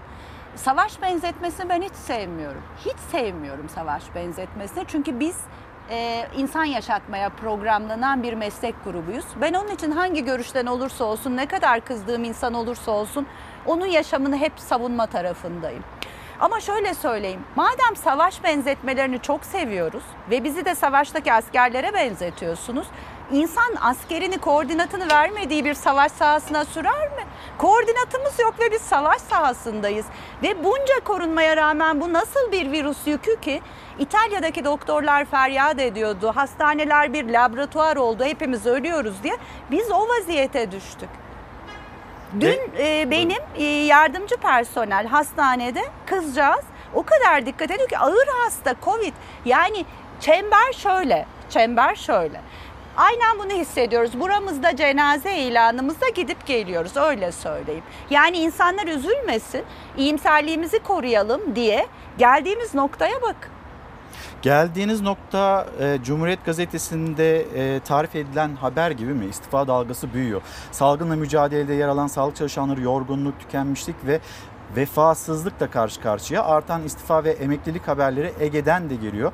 Bölgedeki tabip odaları çalışma koşullarının sağlık çalışanlarını ayrılığa sürüklediğini vurguluyor. Şimdi bizim acil serviste çalışanları bir dinlemenizi isterim. Bizim acil servisin önüne kameralarınızla bir gitmenizi isterim. Orada çalışan arkadaşlarımızın çığlığını duymanızı isterim. Bir yandan beyin kanamaları, bir yandan kalp krizleri, bir yandan sayısız Covid şüpheli hasta ve büyük bir bölümü Covid çıkıyor. Tam bir düğüm oldu. Tam bir düğüm oldu. Biz bunun içinden nasıl çıkacağız? Ben onu göremiyorum artık. Mesela yazanlar var, e, izleyicilerimiz var. Ne kadar doğru? Siz buna katılır mısınız? E, 14 gün tamamen karantinaya alsak da her şeyi yeniden toparlasak şeklinde. Ne dersiniz? Başka hiçbir çözüm yok zaten. Yani maalesef e, eğer Ankara Wuhan oldu diyebiliyorsak ki geç bir tespit ama yerinde bir tespit. Bunun arkasında duruyorum. Artık yapmamız gereken şey bu geç aşamada en aşağı iki inkübasyon süresi dediğimiz süre kadar ciddi bir kapanma. Bir tek anahtar meslekler sokağa çıkacak. Ben bu e, salgın gölgesi lafını falan da sevmiyorum. Salgının alevi içindeyiz şu anda. Salgın ne dalgası var ne gölgesi var. Alev alev bir salgının içindeyiz. Bu gerçekliği birey ve hepimiz hepimiz kabul et, birey de kabul edecek ve ona göre davranacak. O düğünleri yapan insanlar sadece cahil ve gösteriş meraklısı mıydı sizce? Bence bir kısmı gerçekten olayın hafif olduğunu düşünüyordu. Bu olay hafifletilemez. Bu olay e, hafif bir aşamada değil çünkü. Hocam bir toplanma alanı daha oldu. Siyasetin de gündem maddesi oldu. Şimdi Sağlık Bakanı'nın cümlelerine bakıyoruz. Maske, mesafe, hijyen. Cumhurbaşkanı Erdoğan'ın cümlelerine bakıyoruz. Yine aynı vurgu. Ama Giresun, Giresun'da e, Erdoğan için buluşan kalabalıklar bir buçuk metre mesafe konulsun denilirken bir karış bile mesafenin olmadığı, yer yer hiç maskenin olmadığı bir toplanma. Görüntülerini paylaşalım. Siz ne düşünüyorsunuz ya da bir hekim olarak o görüntülerden sonra siz ne düşündünüz merak ediyorum. Buyurun.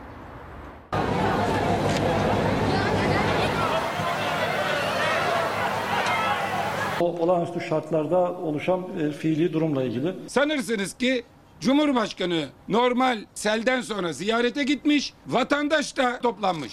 Maske, mesafe ve hijyen noktasında Sayın Cumhurbaşkanımız da son derece bir hassasiyet ve gayret içinde olduğum, olduğunu hepimiz biliyoruz. Ve bu noktada da birçok e, defada özellikle maske, mesafe ve temizlik konusunu gündeme getirdiğini biliyoruz. Ama yer yer bunun ihlal edildiğini görüyoruz. Bizim vatandaş olarak özellikle maskesiz dışarıda olmamam, mesafe ve temizliğe de aşırı özen göstermemiz gerektiğinin altını bir kere daha çizmek istiyorum. Bu bir sorumsuzluktur. Sağlık Bakanı, uzmanlar hatta Cumhurbaşkanı Erdoğan vatandaşlara temastan uzak durun, mesafenizi koruyun derken Giresun'daki miting siyasetin gündemi. AK Parti sözcüsü Ömer Çelik olağanüstü şartlarda oluşan fiili durum savunması yaptı. Muhalefet tepkili. Kendiliğinden oluşan fiili duruma kadınlar ayrı, erkekler ayrı o bariyerleri koyunca nasıl fiili miting oluyor? Dereli'nin saygıdeğer güzel insanları Cumhurbaşkanı sel felaketi yaşayan Giresun'u ziyaretinde vatandaşlarla buluştu. Yüzlerce kişi polis bariyerleriyle çevrilmiş alanda omuz omuza. Kimi maskeli, kimi maskesiz. Cumhurbaşkanı da o kalabalığa hitap etti. Çay dağıttı. Rize'nin keyif çaylarından onlara ikram edin. Cumhurbaşkanı milleti bir yerde topladığı zaman sosyal mesafe kuralı ortadan kalkacak. Kimse müdahale etmeyecek ama önceden haber verilerek yapılan bir basın açıklamasından dolayı gençler alınıp karakola götürülecek 4 saat 5 saat bekletilecek. Saadet Partisi lideri Karamollaoğlu, Saadet Partisi gençlik kollarından 5 kişinin sosyal mesafeye uymadıkları gerekçesiyle gözaltına alınmasını, haklarında para cezası uygulanmasını hatırlattı. Giresun'da yüzlerce kişiyle nasıl miting yapılabiliyor diye sordu. Cumhurbaşkanına buraya millet geliyor getir biraz çay dağıtalım şunlara mı denildi? Demek ki önceden hazırlandı. Cumhurbaşkanımız biliyorsunuz bu pandemi süreci başladığından beri hiçbir şekilde vatandaşlarımızla bu şekilde bir toplantıya e, da bir araya gelmedi. Ama Giresun'a gittiğinde Cumhurbaşkanımızla vatandaşlarımızın e, buluşmasını herhangi bir şekilde engellemek söz konusu olmadı. Öyle küstah küstah vatandaşı küçümseyerek aklından alay etmeyeceksiniz. Miting yaptımsa yaptım al sorumluluğunu. O olağanüstü şartlarda oluşan e, fiili durumla ilgili. Cumhurbaşkanlığının üzerinde kürsüsü olan otobüsü bir gün önceden yola çıkmış. Gitmiş oraya yerleşmiş. Miting meydanında ışığı gölgeyi hesap etmişler. Otobüsü çekmişler. Vatandaşın duracağı yerlere bariyerleri koymuşlar. Bu ne demek? Burada miting olacak demek. Muhalefet mitingin önceden planlandığını, yüzlerce kişinin korona riskine rağmen bilinçli şekilde bir araya getirildiğini söylüyor. Bir yandan da gelen mesajlar var. Mesela bu virüs mutasyona uğradı mı uğramadı mı bunu merak edenler var. Grip aşısını, zatürre aşısını konuştuk. Bir kez daha konuşalım. Çünkü hani herkes yaptırmak ister durumda. Herkes yapmalı Evet. mı, yaptırmalı mı? Bunu konuşacağız. Bu kalabalıkla ilgili ne dersiniz? Şimdi e, sizin kısa sorularınıza uzun cevaplar verdiğimde bilin ki doğrudan doğruya söyleyemiyorumdur söyleyeceğimi. Ama onun içinden alacak insanlar mesajı. Şimdi Sayın Cumhurbaşkanı'nın etrafında onu korumaya yetecek kadar iyi alimler olduğunu düşünüyorum. Çünkü siyasetçilere baktığınız zaman pek çoğu hastalandı hem de ağır hastalandı. E, kontrolden çıkmış bir salgında e, virüs yükü ağır kalabalıklarla karşılaşıyorsunuz çünkü ama onu belli ki çok iyi koruyan bir alim ve bilim adamı grubu var.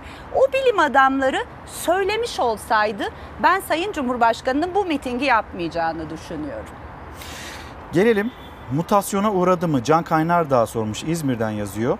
Ee, yoksa hani ilk günkü gibi mi? Farklı bir mutasyon ya da daha ölümcül bir mutasyon mu? Ne durumda acaba virüs? Siz Şimdi, çünkü evet, uluslararası evet. makaleleri de çok yakından Evet, takip ediyorsunuz. Dün evet. sizi aradığımda hala ders Evet, çalışıyordunuz. evet. Ne oluyor ne bitiyor diye. Evet şöyle kendimiz de yayınlar yapmaya çırpınıyoruz. Aslında klinik yayın yapma konusunda önümüze çok büyük engeller çıkarıldığı için biz de e, daha böyle işte mutasyonla ilgili ya da işte sitokinlerle ilgili falan daha laboratuvar çalışmaları yapıp onları yola koymaya çalışıyoruz. Ama çok sayıda hastamız var ve o hastalara bilimsel bakış açısıyla bakabilen bir ekip olduğumuz için de gözden geçirmeler yapıyoruz. Yani epey tecrübemiz var. 8 aylık pandemi aslında insan ömründeki 8 yıl. Bunu da unutmayın. Nasıl? O hıza yetişebilen için. Bilimde çünkü aşıda böyle oldu. Çünkü 6 yılı 6 ayda geçtik. Bunun hızına yetişebilen background'unuz varsa bunu yakalarsınız. Pek çok konuda yanılmış olsak bile doğruyu bilimle beraber buluyoruz. Hep beraber yanılıyoruz, hep beraber. Bu da bilimin doğasıdır ama. Şimdi virüs mutasyona uğradıdan aslında kasıt biliyorum bizi bırakıp gidecek mi sorusu. Hayır. Hayır. Çünkü virüs halinden çok memnun.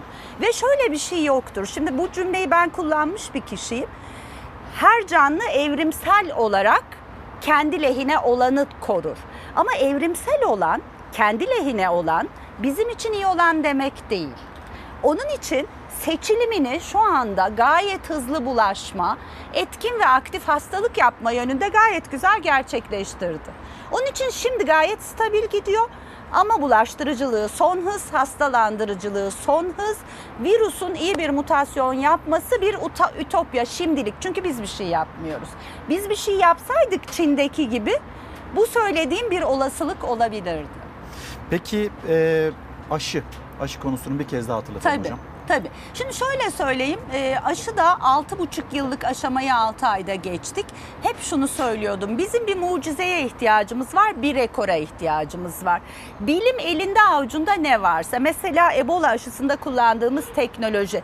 Mesela aslında AIDS aşılarında başaramadığımız ama üstüne koyduğumuz şeyler gibi pek çok e, çalışma, pek çok yöntem bize 6 aylık aşamayı bir güzel geçirtti. Bu çok umut verici ama işin bir de tedirgin edici bir yanı var. Onu da söyleyeyim. Şimdi ilk defa belki de aşılar bu kadar önden fonlanıyor. Yani çok büyük paralar yatırılıyor. Haliyle de o zaman bir ticari değeri oluyor bunların. Burada acil davranmaya çalışan, öne çıkmaya çalışan, yarışı ilk ben göğüsleyeceğim diye çıkanlar beni tedirgin ediyor. Çünkü sahada biz bunu milyonlarca ve milyonlarca insana yapmak zorundayız en hafifinden dünya nüfusunun yarısını hedeflemek zorundayız. Bu benim çok ciddi bir emniyetle ilişkili e, sorun yaşayacağım anlamına gelir. Bunun şartlarını sağlamadan ee, bazı devletler yaptı bunu. Kısıtlı aşı onayına gittiler. Bir anda gittiler. Bu beni çok tedirgin ediyor. Bunun dışında aşı mutlaka hayatımızda olacak. En geç iki yıl içinde olacak ama daha erken olabilir. En azından e, çemberde sıkıntılı gruplar aşılanıyor olacak e, ve biz bu tünelden aşıyla çıkacağız. Peki e, Türkiye'deki aşı çalışmaları ne durumda diyor Elçin Ceylan? E, Türkiye'de aşı çalışmaları var. Çok iyi bilim adamları var çünkü.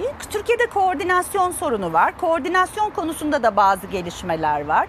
Türkiye yıllardır TÜBİTAK gibi kurumlarını aslında tamamen bilime vermek yerine biraz tarafgir davrandı. Onu da söylemek durumundayım. Mesela bir Kırım Kongo aşı çalışması var. Hiçbir şekilde nihai sonuca gidemeyen ve milyonlarca euronun yatırıldığı. Avrupa Birliği'nden falan da aldığımız böyle fonlar var ama heba oldular öyle söyleyeyim. Bilimde tarafgirlik olmaz. Bilimde benim adamım tutumu olmaz. Bilimde liyakat olur. Bakın ne kadar bilime ve teknolojiye muhtacız. Şuraya geleceğim. Aşı çalışmaları iyi gidebilir. Aşı üretimi ve lojistiği sorun olacaktır diye düşünüyorum. Hocam şimdi 5 artı 2 formülü var eğitimde. Dün Sağlık Bakanı'nın da açıklamaları var ki siz bunu daha önce yine Çalar Saat'te bunu söylemiştiniz, konuşmuştuk. Haberimizi izleyelim. Eğitim ne yapacağız? Çocuklar için yüzde eğitim başlayabilecek mi? Şu dönemde kısıtlı bir şekilde eğitimin devamı şeklinde bir yaklaşımımız var. Herkesin gözü kulağı okulların açılmasına yönelik alınacak kararlarda. Milli Eğitim Bakanı Ziya Selçuk 21 Eylül'ü işaret etti.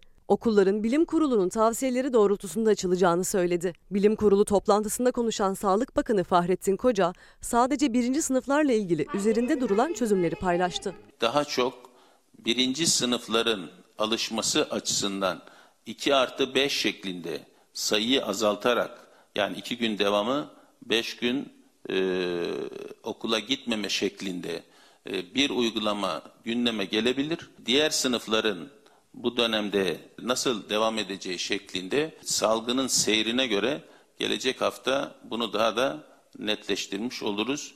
Belki il bazında veya genel anlamda. Bakan Koca diğer sınıflar için gelecek hafta açıklama yapılacağını dile getirdi. Salgının nasıl seyrettiği bu konuda belirleyici olacak dedi. Birinci sınıfların alış alışması için 2 artı 5 şeklinde olabilir. İkinci sınıfların olup olmayacağı konusu önümüzdeki hafta salgının seyriyle bu netleşmiş olur. 8 ve 12'lerle ilgili ne zaman başlayacağı veya baştan, başlanmaması konusu da haftaya gündem yapılmış olacak. 21 Eylül'de okullarda yüz yüze eğitimin başlayabilmesi için gözler koronavirüs tablosunda ama uzmanlar umutlu değil. Vakaların hızla artması uzaktan eğitimin uzamasına yol açabilir. Ancak televizyondan ya da online eğitim pazartesi günü başlasa da hala sorunlar çözülebilmiş değil. Bunun için de EBA destek noktaları oluşturuldu. Ancak bu kez de güvenli sorusu gündeme geldi. Cihaz ve internet erişiminde yaşanan sorunlar. Tabii bakanlık burada il il çeşitli analizler yaptı. Burada bu sorunu yaşayan öğrencilerin ihtiyaçlarının giderilmesi için EBA destek noktaları açıldı. 18 milyon öğrenciden 1,5 milyon civarında bu tip sorunlar yaşayan öğrencimiz oldu. AK Parti sözcüsü Ömer Çelik'e göre öğrencilerin %10'a yakını uzaktan eğitimden yararlanmakta güçlük çekiyor. Bunun için de 81 ilde EBA destek noktaları devreye girdi. Sadece telefondan girebiliyordum. Bilgisayarın var mıydı? Hayır. Üçümüz ders alıyoruz EBA'da. Üç kardeş peki e, evde bir telefon mu kullanabiliyorsunuz? Bir tane telefon kullanabiliyoruz. Aynı saate dersleriniz denk geldiğinde ne yapıyordunuz? Biri girmiyordu. Kütüphane benzeri bir çalışma ortamı yaratıldı. EBA destek noktalarına öğrenciler gelecek. Okullar açılmadı ama okul içinde bulunan kütüphane benzeri bu noktalarda öğrenciler canlı derslere katılacak. Sağlık kaygısıyla uzaktan eğitim devreye girdi ancak erişemeyenler yine okula gidecek. Yetkililer ise 1420 EBA destek noktasında sosyal mesafe için tüm hazırlıklarını tamamladı. EBA destek noktalarında eğitim almak için gelen öğrenciler randevu sistemiyle gelecekler okula ve geldiklerinde bu yerdeki sosyal mesafe uyarılarına uyarak giriş yapacaklar ve girdiklerinde de önce bu standta ateşleri ölçülecek sonra dezenfektan kullanacaklar ve yüzlerinde getirdikleri maskeleri çıkarıp çöpe atacaklar yeni maskelerle derse girecekler. Bir öğrenci günde en fazla iki canlı derse katılabilecek. 10 metrekareye en fazla 5 öğrenci alınacak. Destek noktalarında da ilk günden erişim sorunu yaşandı. Ancak hem o sorunların giderilmesi hem de merkezlerin sayısının artırılması hedefleniyor. Efendim yüz yüze eğitim. Ne dersiniz hocam? Ee, mümkün değil. Bu salgının bu noktasında mümkün değil. Bazı formüller getirilebilir. O 2'ye 5 formülünü konuşmuştuk sizinle. Fakat sınıflarda bir sorun daha var İlker Bey. Sınıflardaki sorun şu havalandırma sorunu. Çünkü biz artık şunu biliyoruz. Virüs şu mesafeden sizinle benim aramda bulaşmıyor. Bir kızamık virüsü değil bu. Ama sizinle beni bir sınıfa koyun. İkimiz de maskeli olalım ve o sınıfın havalandırması kötü olsun ve e, sosyal mesafeye uymaksızın maskeyle duralım. Burada mikropartikül dediğimiz bir durum var ve tek şansınız var. Ya antiviral bir ortam sağlayacaksınız. Çok yüksek teknolojiden bahsediyorum e, ve pahalı bir şeyden bahsediyorum ya da o sınıflara iyi havalandırma sistemleri ayrıca kuracaksınız ve maske, mesafe, hijyen ve havalandırma dördünü birden sağladıktan sonra 2'ye 5 formülü, 10 çocuk bir öğretmen, öğretmenlerin 5-7 günde bir testlenmesi, mutlaka testlenmesi, okulların önünde test kuracaksınız. Havaalanlarına kurduğunuz gibi ve öyle hastaneler ayıracaksınız ki oralarda bir sorun çıktığı zaman doğrudan doğruya çözüm bulacak ve siz tekrar dönüp topluma bu Ankara'nın salgını nereden kaynaklanıyor ki ben şu okulu bir kapatayım da bir Ankara'daki salgını kontrol altına alayım diyeceksiniz. 20 gün içinde bunların olacağını görüyorsanız açılsın diyelim. Hocam e, kısacık bir toparlama isteyeceğim. Aşı e, ama bu grip aşısı ve zatürre Evet. aşısı. Çünkü kafa karışıklığı Evet. var burada. O kafa karışıklığının merkezden giderilmesi lazım aslında. Lojistik sağlanması lazım aslında. İnsanlar ücretsiz zatürre aşısı alabiliyor. Ama bu ücretsiz alabilecekleri yerleri belirleyip tedariki de programlamak lazım. Grip aşısında sıkıntı olacak. Çünkü dünyada 200 milyon bu yıl için grip aşısı üretildi, pay edildi. Eğer kendi kendine üretim yapan bir ülke, ülkeden almayacaksak sıkıntı olacak. Önceliklendirerek yapmamız lazım. Önce yaşlılara yapacağız, sağlıkçılara yapacağız, hamilelere yapacağız, 5 yaşın altında çocuklara yapacağız. Elimizde kalırsa grip olmak istemeyen diğer riskli gruplara yapacağız. Bu başka bir sıkıntılı konu. Hocam çok teşekkür ederim. Çok Ben sağ de, olun. ben Geldiniz, vakit ayırdınız. ederim. Şimdi tekrar mesai gideceksiniz. Hem de ne mesaiye Evet, gideceksiniz. evet. Sağ olun. Hem sizi hem de bütün sağlık çalışanlarımızı e, alkışlıyoruz. Çok teşekkür Haklarınız ederiz. ödenmez ama bir yandan da sağlık çalışan- çalışanları hakikaten hakkımız ödenmiyor diyor. Bu Evet. eleştirilerini de sistemlerini de iletmiş olalım. Bir mola vereceğiz. Dönüşte enflasyon rakamlarını öğreneceğiz. Hocam. Efendim devam ediyoruz. 2 dakika sonra Ağustos ayı enflasyon rakamlarını öğreneceğiz. Doktor e, Murat Kubilay yanımızda uluslararası finans uzmanı beraber değerlendireceğiz. Şimdi gündem sıcak, sizin gündeminiz var. Kendi sıcak gündeminizden bahsediyorsunuz. Bir yandan da elbette bir uyarımız olsun. Hava da çok sıcak bir memleket havasını paylaşalım dönelim. 5 gündür yanıp kavruluyor Türkiye. Yanmaya da devam edecek. Son 90 yılın en sıcak Eylül'ü başladı. Bugün pek çok ilde rekor sıcaklıklar bekleniyor. Basra'dan gelen sıcak hava dalgası Türkiye'yi çöl sıcaklarına teslim etti. Eylül ayı hiç böyle sıcak olmamıştı. Antalya'da 32 derece olan hava sıcaklığının önümüzdeki 3 günde mevsim normallerinin üzerine çıkarak 40 dereceye ulaşması bekleniyor. Burdur'da 10, Isparta'da 11 derece artacak. Eylül ayı rekorunun kırılacağı tahmin ediliyor. Antalya'da nem oranının %80'lere ulaşması nedeniyle kentin nem bulutları kapladı. Artık şehirde nefes almak bile zor. Diyarbakır 42 dereceyi görmeye hazırlanıyor.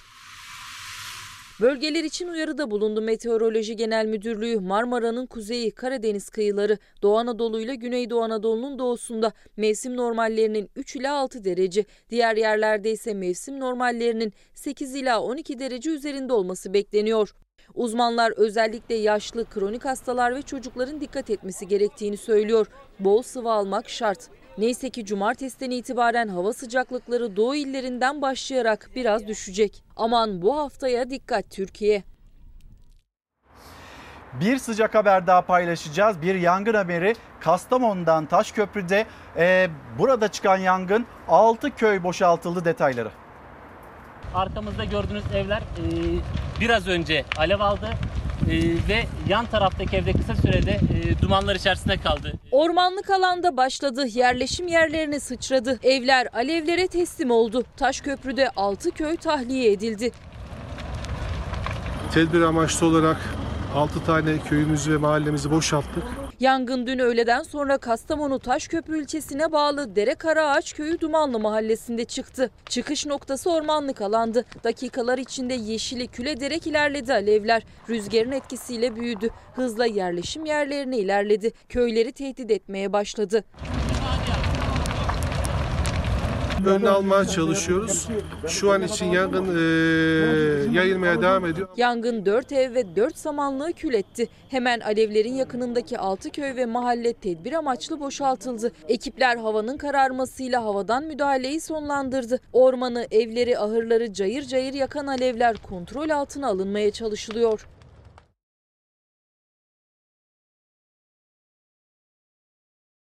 Hocam günaydın, hoş geldiniz. Ee, Doktor Murat Kubilay uluslararası finans uzmanıyla enflasyon rakamlarını değerlendireceğiz. Sıcağı sıcağına bilgiler de geldi. Aylık enflasyon 0.86 bir artış gözlemliyoruz ve yine Temmuz ayı enflasyonuyla aynı enflasyon e, rakamıyla karşı karşıyayız. 11.76. Ne dersiniz? Ee, Buna tabii öncelikle epey şaşırdığımı söylemem gerekiyor. Ee, Çünkü şundan ötürü yıllık enflasyon son 12 ayın enflasyonu. Yani geçtiğimiz yılın 1 Eylül 2019'dan e, 31 Ağustos 2020'ye kadarki 12 ayı kapsıyor. Bir ay kayarak ilerliyor bu. Mesela geçtiğimiz ay Temmuz 2019 vardı. Onu çıkardık. Bu ayın Ağustos'unu koyduk. Şimdi aynısı burada da geçerli oldu. Çıkan ay 0.86'ymış. Gene aynısı gelmiş. Tesadüf diyelim buna. Bu e, ortalamada son e, 10 yılın ortalamasının biraz üzerinde. Yani aslında Ağustos ayında daha düşük enflasyonlar 0.20, 0.30'lar oluyordu. Ne anlama geliyor onu da belirtelim. E, Son bir ay içerisinde Türkiye genelindeki birçok üründe tüketicilerin tamamını yansıtan ürünlerde ortalama 0,86 yüzde e, artış yaşanmış. Son 12 ayda da 11,76. Tabii genelde izleyicilerin hemen merak ettiği şey bu oluyor. Biz markete gittiğimizde daha yüksek enflasyonları görüyoruz. Şu mu demek? Yıl- Yıllık olarak baktığımızda geçen yıl Ağustos ayında 100 liraya aldığımız bir ürün ya da ürünler şimdi bu Ağustos'ta 2020 Ağustos'unda e, 110 lira 76 kuruş. 110 lira 77 kuruş. 111 lira 76 111 kuruş. lira 77 kuruş. Doğrudur, böyledir. Ama şunu unutmamamız gerekiyor. Bu bütün tüketicilerin ortalama sepeti. Yani Türkiye'deki herkesin farklı gelir durumu, yaşam düzeyi var. Örneğin burada gençlerin de var, yaşlılar da var, şehirde yaşayanlar da var, köyde de var, ev sahibi olanlar da var, kiracılar da var. İçki içenler de var, içmeyen muhafazakar hayat yaşayanlar da var. Bunu şundan ötürü söylüyorum. Bazı e, ürün gruplarındaki fiyat e, farklılıkları çok daha ayrışabiliyor. Örneğin en çok bizde 15 yıldır en çok artan fiyat alkol içecek ve tütün mamullerinde. Eğer bunları kullanıyorsanız sizin enflasyonunuz daha yüksek. Büyük şehirlerde yaşıyorsanız çok net bir şekilde sizin kira giderleriniz daha fazla artıyor. Bu çok net. Ee, ama e, Anadolu'da kırsal kesimde yaşıyorsanız e, kiralar çok daha cüzi. Siz bunları bu kadar hissetmeyeceksiniz. Küçük yerde yaşıyorsanız toplu taşıma kullanmıyorsunuzdur. Büyük çoğunlukta bunları hissetmeyeceksiniz. Dolayısıyla e, bütün Türkiye'yi ilgilendiren bir ortalama paket olduğu için birçok kişi e, bunun kendi hayatındaki enflasyondan farklı olacağını düşünecektir. Ki haklılık da var. E, şöyle e, çünkü e, örneğin bir Ege sahillerindeki biraz daha lüks tüketim alışmışsanız ya ithal mallar kullanıyorsanız çok daha yüksek olduğu aşikar. E, bunun neticesinde de sizin tahmin ediyorum ki e, vatandaşların şu anda yayın izleyen birçoğu ya benim enflasyonum son bir ayda %1 bile değilmiş ben buna inanmakta zorlanırım dediğini tahmin ediyorum. E, benim için aynı şey geçerli fakat TÜİK'teki veri toplama sistemi bizde yok. 81 ilde, 225 ilçede e, bazı ürünlerin her gün çok sayıda marketten, benzinlikten veya işte emlakçıdan alınan fiyatlarla yapılıyor. Onların araştırma kapasitesi bizim üstümüzde. Dolayısıyla onların vermiş olduğu bu verilere de inanmak durumunda kalıyoruz. Şimdi bir kez daha hatırlatmış oldum. TÜFE'de e, 2020 yılı Ağustos ayında bir önceki aya göre 0.86'lık bir artış. Bir önceki yılın Aralık ayına göre %7.29'luk. E, bir önceki yılın aynı ayına göre %11.77 ve 12 aylık ortalamaya göre ise %11.27'lik artış gerçekleşti. Şimdi tablo benim önümde. Size de vereyim. Siz bu tabloya Tabii. baktığınızda özellikle mesela ekonomistler, iktisatçılar, bu işin uzmanları bu tabloya baktığında e, neyi görürler, neye dikkat ederler? E şimdi hemen şunu söyleyeyim. E, ulaştırmada artış başlamış. Önümüzdeki geç- geçtiğimiz aylarda düşüktü. E, maalesef başlamış çünkü bir döviz kurunda hareketlenme oldu. İki petrol fiyatları Brent petrolü 20 küsur dolarlara düşmüşken 45-46'ya kadar çıktı. Belli ki tekrardan benzin zamları geliyor ve gelecektir. Zaten bunu görüyoruz sürekli. İkinci olarak dikkatimi çeken, hoş olmayan bir şey var. Sağlık enflasyonundaki artış. Yani belli ki burada da e, belli ürünleri, belli hizmetleri e, bir süre ücretsiz yaptılar ama şimdi duyuyoruz ki özel hastanelerde Covid-19 testleri bile ücretli. Belli ki bunlar artık fiyatlara yansıtılmaya başlamış. E, olumlu durumsa e, eğitim harcamaları %8.50 son 12 ayda enflasyonun altında. Ama orada da şöyle bir durum var. Burada en çok özel e, okullar dahil. E, gitmiyoruz zaten. Yüz yüze eğitim bile yapılmıyor. Yani bir KDV zahmet e, de düşürüldü. Evet bu da düşürüldü. Daha onun etkisini görmedik tabii ki. Yok yansımamıştır. Benim burada çok önemsediğim bir şey var. O da yönetilen, yönlendirilen fiyatlar hariç TÜFE %12,0 çıkmış. Bu şu anlama geliyor. Ee, Merkez Bankası'nın e, kontrol etme gücü olan fiyatlar var. Bir de olmayanlar var. İşte örneğin ne yaparsanız yapın tarım fiyatları yurt dışından geliyor. Biz kendimiz buradaki tarlada bile üretsek dünyadaki dolar cinsi fiyatı var. Türk lirası dolar kuru paritesi neyse onunla çarpılıyor geliyor. Veya petrol fiyatları öyle. Veya devletin zam koyduğu, e, zamları belirlediği ürünler var. Bunların haricinde Merkez Bankası'nın kontrol ettiği bile %12. Bu da şu anlama geliyor. Bizim o öngörülebilir süre içerisindeki enflasyonun makul yerlere gelmesi mümkün değil. Tek haneler mesela. Tek haneler. Mesela şunu söyleyeyim. Şimdi bizde 2006'dan itibaren e, enflasyon hedeflemesi yapılıyor. Bu enflasyon hedeflemesi keyfi bir şey değil. Kanunla belirleniyor. Merkez Bankası ile hükümet beraber toplanıyorlar. Bu yılın hedefini belirliyorlar. Bizde 2012'den beri %5 tek bir yıl bile tutturulamadı. Sonra e, o yılın e, bitiminin ardından Ocak başında açıklanıyor. Tutmadığı zaman Merkez Bankası Başkanı ekonomiden sorumlu bakana ki şu anda Baret Albayrak oluyor bir açık mektup yayınlıyor. Bu basın sitesinde de internet sitesinde de yer alıyor. Diyor ki e, ben tutturamadım şunlardan ötürü şöyle şöyle hatalarımız oldu ve bundan sonra bunları yapacağız bir daha tutturacağız diye. Ama 8 yıl üst üste tutmayan enflasyon hedeflemesi gördüğümüz için e, bunun da artık bir ciddiyeti kalmıyor. Bunu şundan ötürü söylüyorum. Bunlar resmi gazetede çıkan hani bağlayıcı olan kararlar.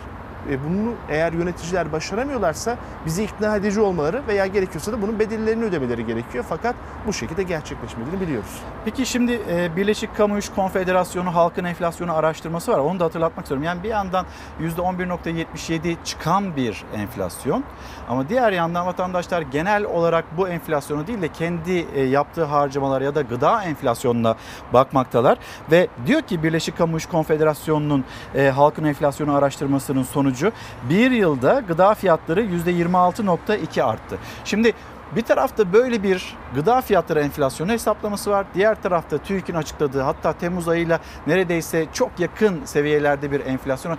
Düşünceniz nedir? Yani TÜİK'le ilgili açıklanan bu verilerle ilgili vatandaşı ikna etmeyen veriler olarak dillendirilmekte. Hemen bahsettiğiniz şeyi söyleyeyim. Bakın TÜİK'e göre son 12 ayda gıda ve alkolsüz içecekler %13,51 artmış. Siz biraz önce %20 küsürlerde bir rakam söylediniz. 26.2. Ben de böyle hissediyorum açıkça söyleyeyim. Fakat e, en nihayetinde binlerce dükkanı gezemiyoruz. Herkesin tüketim kalıplarını bilemiyoruz. Bu yüzden de TÜİK bile isteyerek yanlış yapıyor, hata yapıyor demiyoruz. Ancak bu ayrışmalar birçok veride gerçekleşmeye başladı. Yani sadece bu değil, işsizlikte de. E, çalışan sayısı azalıyor ama işsiz sayısı da azalıyor. İşsizlik oranı da azaldı deniyor bize. Yani böyle bir e, veriler içerisindeyiz, böyle bir ortam içerisindeyiz. Veya sadece bunlar değil, TÜİK değil. Verileri yorumlamada da sorunlar var İlker Bey. Mesela şöyle bir örnek vereyim. E, Pazartesi günü büyüme verisi açıklandı. Bakan Albayrak e, bir yorum yaptı. Dünyadaki örneklere kıyasla biz daha az küçüldük dedi.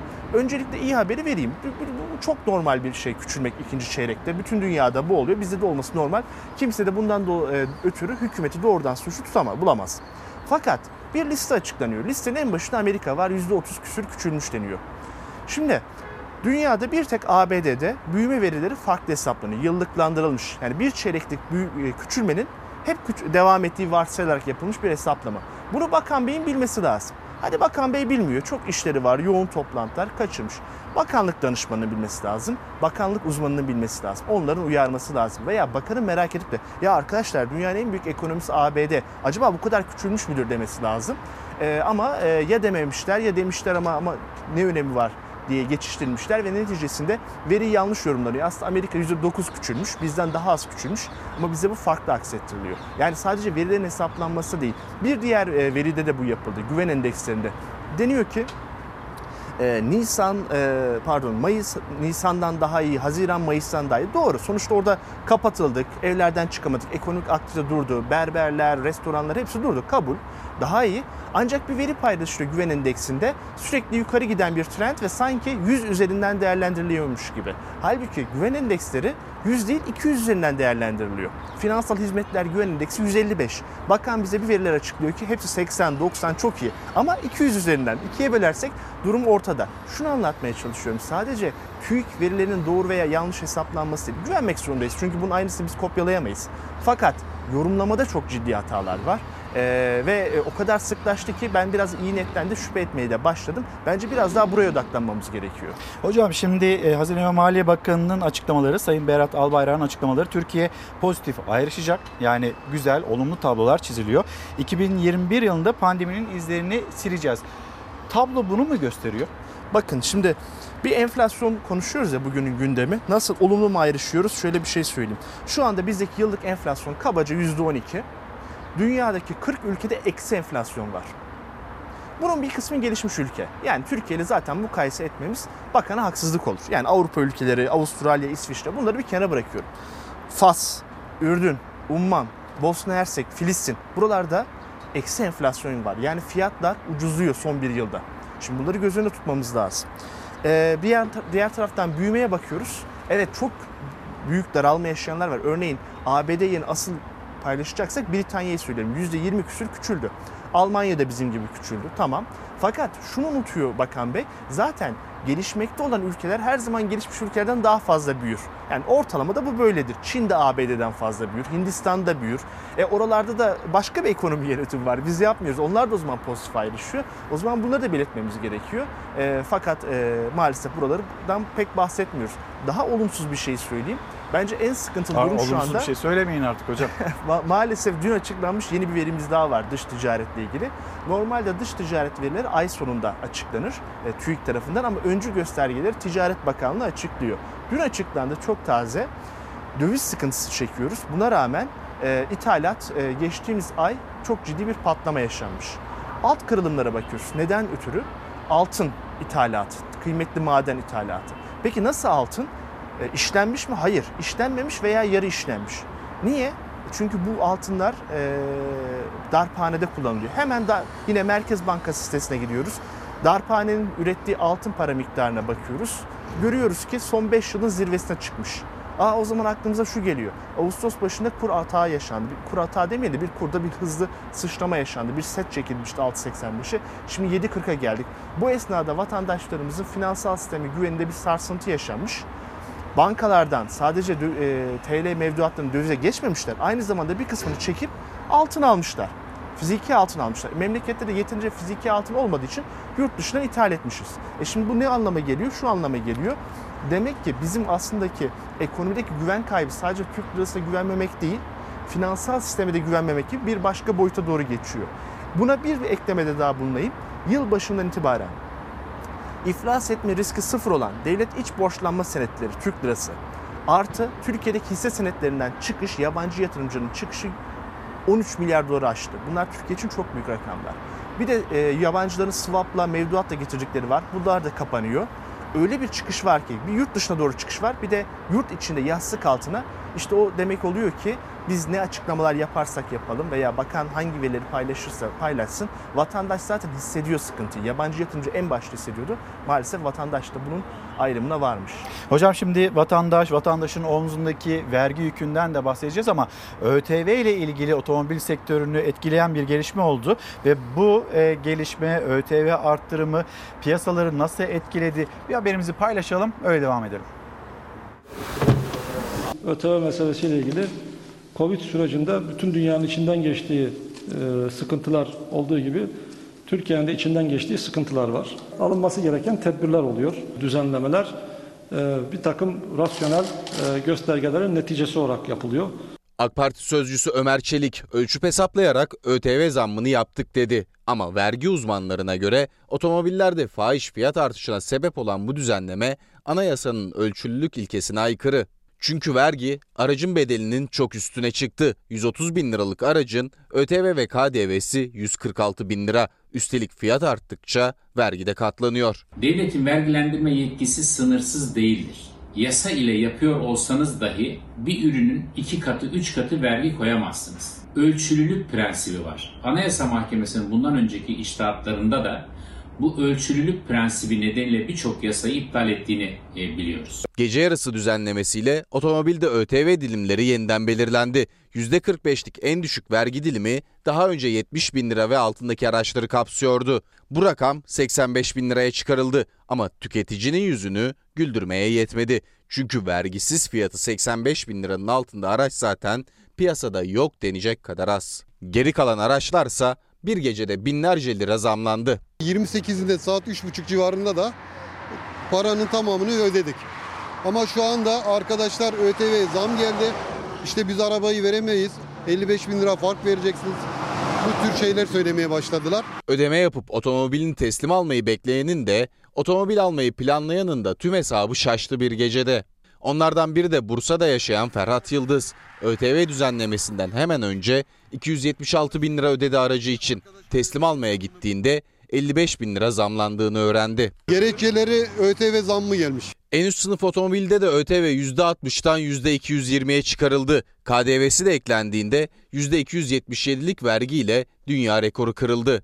Aracın bedelinin 3 katına kadar çıkan bu yük vergi uzmanı Nedim Türkmen'e göre mülkiyet hakkına müdahale. Ürün bedelinin 3 katı kadar vergi ödemek durumunda kalacak tüketici. Ölçülülük prensibine uyulmadığı için buradaki zamlar nedeniyle kişiler artık otomobil sahibi olamayacak.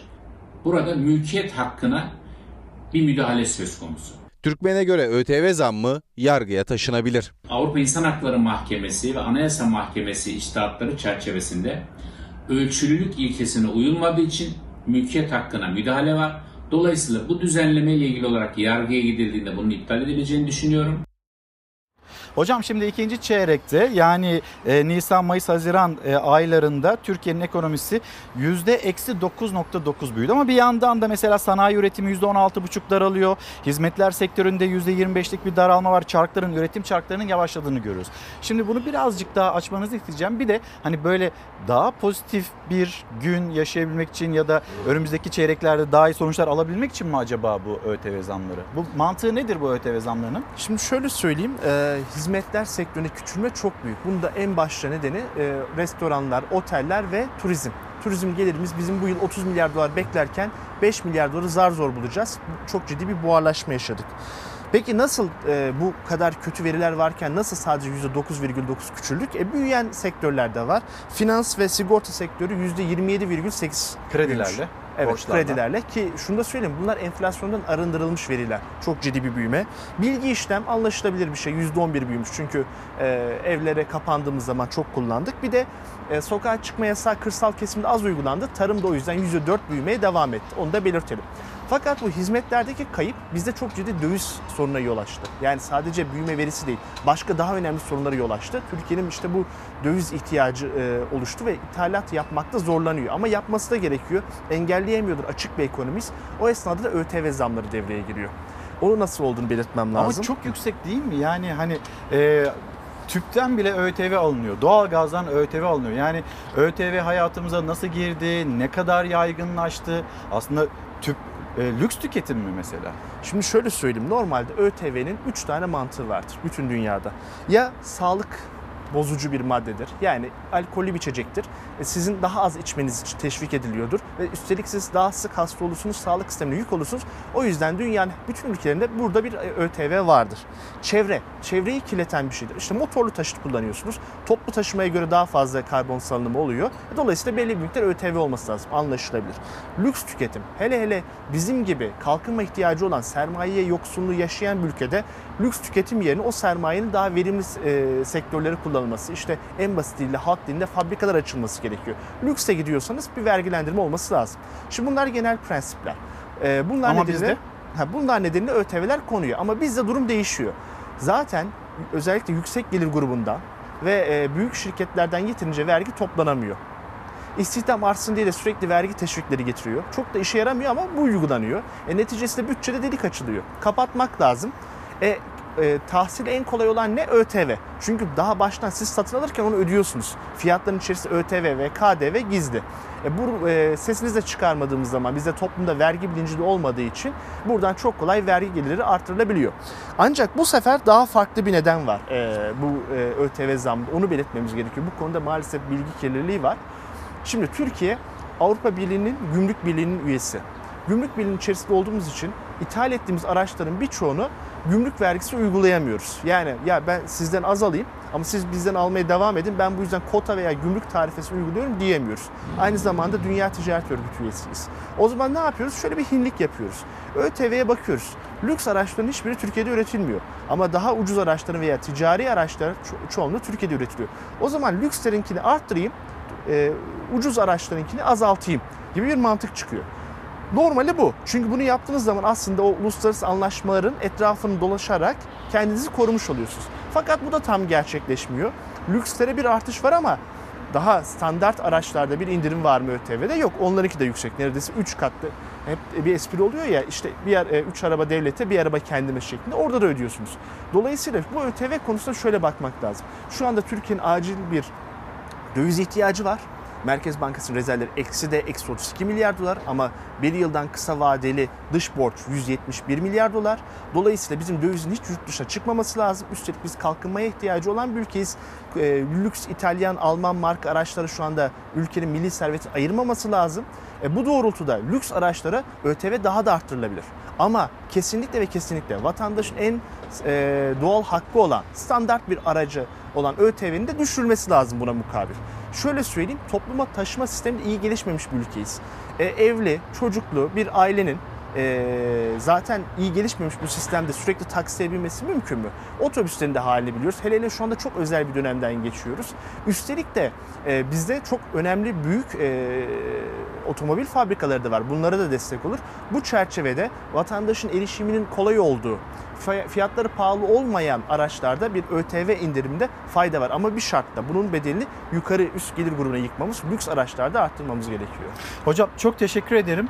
Ee, sizinle yayınımızı tamamlarken ben e, Doktor Ozan Bingöl'ün bir e, paylaşımı var sosyal medya üzerinden. Onu da aktarmış olayım izleyicilerimize. Bizler yapılan yanlışlıktan dolayı bir yıl boyunca şalgam suyunu bile ÖTV'li içmiş bir milletiz. Anlayacağınız efsunluyuz. Bunlar ne ki dedi. Kendisinin getirdiği yorumda bu oldu. En son otomobillerle ilgili e, ÖTV'den sonra.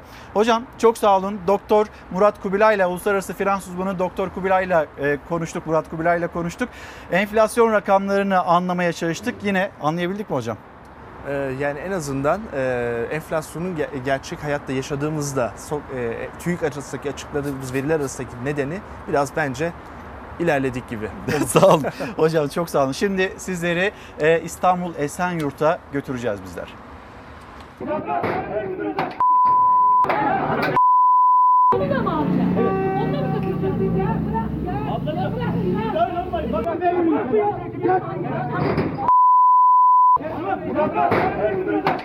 Zabıta işportacıya müdahale etti. Mahalle ayağa kalktı. Çevredekiler işini yapmaya çalışan zabıtayı köşeye sıkıştırdı. Hatta içlerinden biri zabıtanın kafasında plastik tabure kırdı.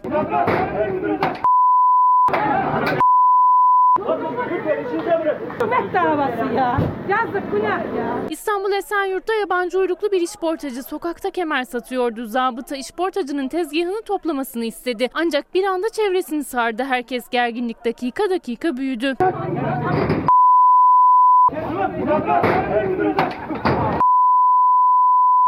Mallara el koymaya çalışan zabıta köşeye sıkıştırıldı. Bir saldırgan zabıtaya plastik tabure fırlattı sonra da kaçtı.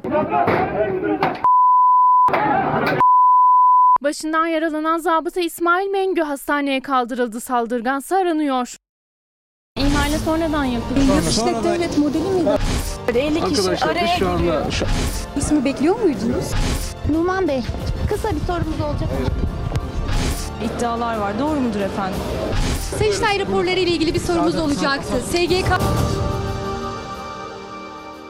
Havasına, suyuna, taşına, toprağına.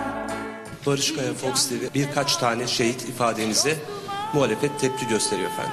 Fox önce gazete olsun. Erken genel seçim değil mi efendim? Yanlış anlamadım. Siz Fox olarak hiçbir şeyi doğru anlamıyorsunuz. Sizin sorunuza da cevap vermek istemiyorum. Usandırdınız artık. Beril Oğuz e, Fox televizyonundan Kırmızı Bülten'de aranan e, Abdullah Öcalan'ın kardeşi Osman Öcalan'ın devlet televizyonunda TRT'ye verdiği röportajı nasıl değerlendiriyorsunuz efendim? Doğrusu ben Osman Öcalan'ın kırmızı bültenle arandığını bilmiyorum. Haberciliğin birinci şartı soru sormak. Bir sorumuz olacak. Proje okullarla ilgili. hayır, hayır, hayır, hayır. Biz de ona diyoruz ki Sayın Bakan evet evet evet evet projenin sınıfta kaldı. Veteriner yazıyor ama burada var mı veteriner? Veteriner şu an burada yok. El sıkışıyorsunuz. El sıkışmak yasak aslında. Cesaretle hiç vazgeçmeden Sayın Bakanım, SMH hastası. Müsaade edin şu toplantıyı.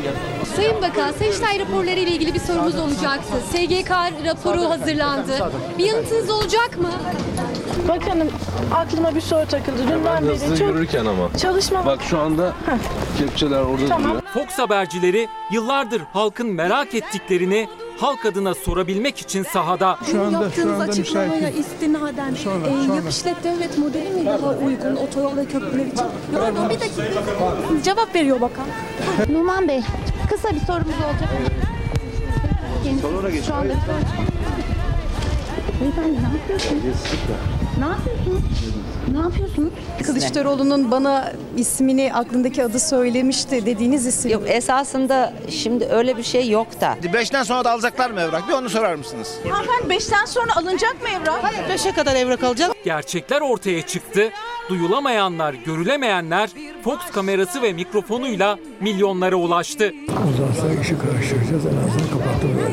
Kars'ta kanser hastaları da mağdur. Kars'tan Bursa, 6 ayda bir Bursa'ya götürüyorum. Yaptığım haberleri de yayınlayabilecek özgür ve cesur bir haber merkezinde Doğan Şentürk yönetimindeki Fox Haber'de çalıştığım için de ayrıca çok mutluyum. Bir sorumuz olacaktı bizim.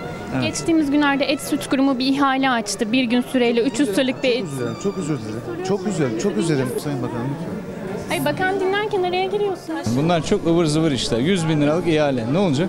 Ama ihale sonradan yapıldı diye. Sonradan yapılsa ne olur? Bu sizin yaptığınız gazetecilik değil maskaralıktır. Fox Haber deneyimli, cesur, vicdanlı, bağımsız kadrosuyla ve Türk halkından aldığı güçle perdeleri açmaya devam ediyor. En büyük ödülün gerçeklerin ortaya çıkması olduğunu bilerek ilkelerinden hiç vazgeçmeyerek Onu terör örgütü olarak da görmüyorsunuz. Şimdi bu klişe soruları bence Evet. bir tarafa bırakalım. Siz bunu okuduğunuzda doğrudur dediniz mi? Evet. Yani Erdoğan şunu çağırmıştır, bununla görüşmüştür. Yok yani özel bir tahminde bulunmak istemiyorum ama doğrudur yani. Ben Selçuk Tepeli. Fox Ana Haber'de haberin kalbindeyiz. Hafta içi her akşam 19'da Fox Ana Haber'de beraberiz. Buradayız. Vicdanınızın sesiyiz. Aklınızdakileri soruyoruz. Her söylenene inanmıyoruz. Acaba diyoruz, sorguluyoruz. Kimseden korkmuyoruz, kimseden çekinmiyoruz, saklamıyoruz. Haberciyiz, işimizi yapıyoruz.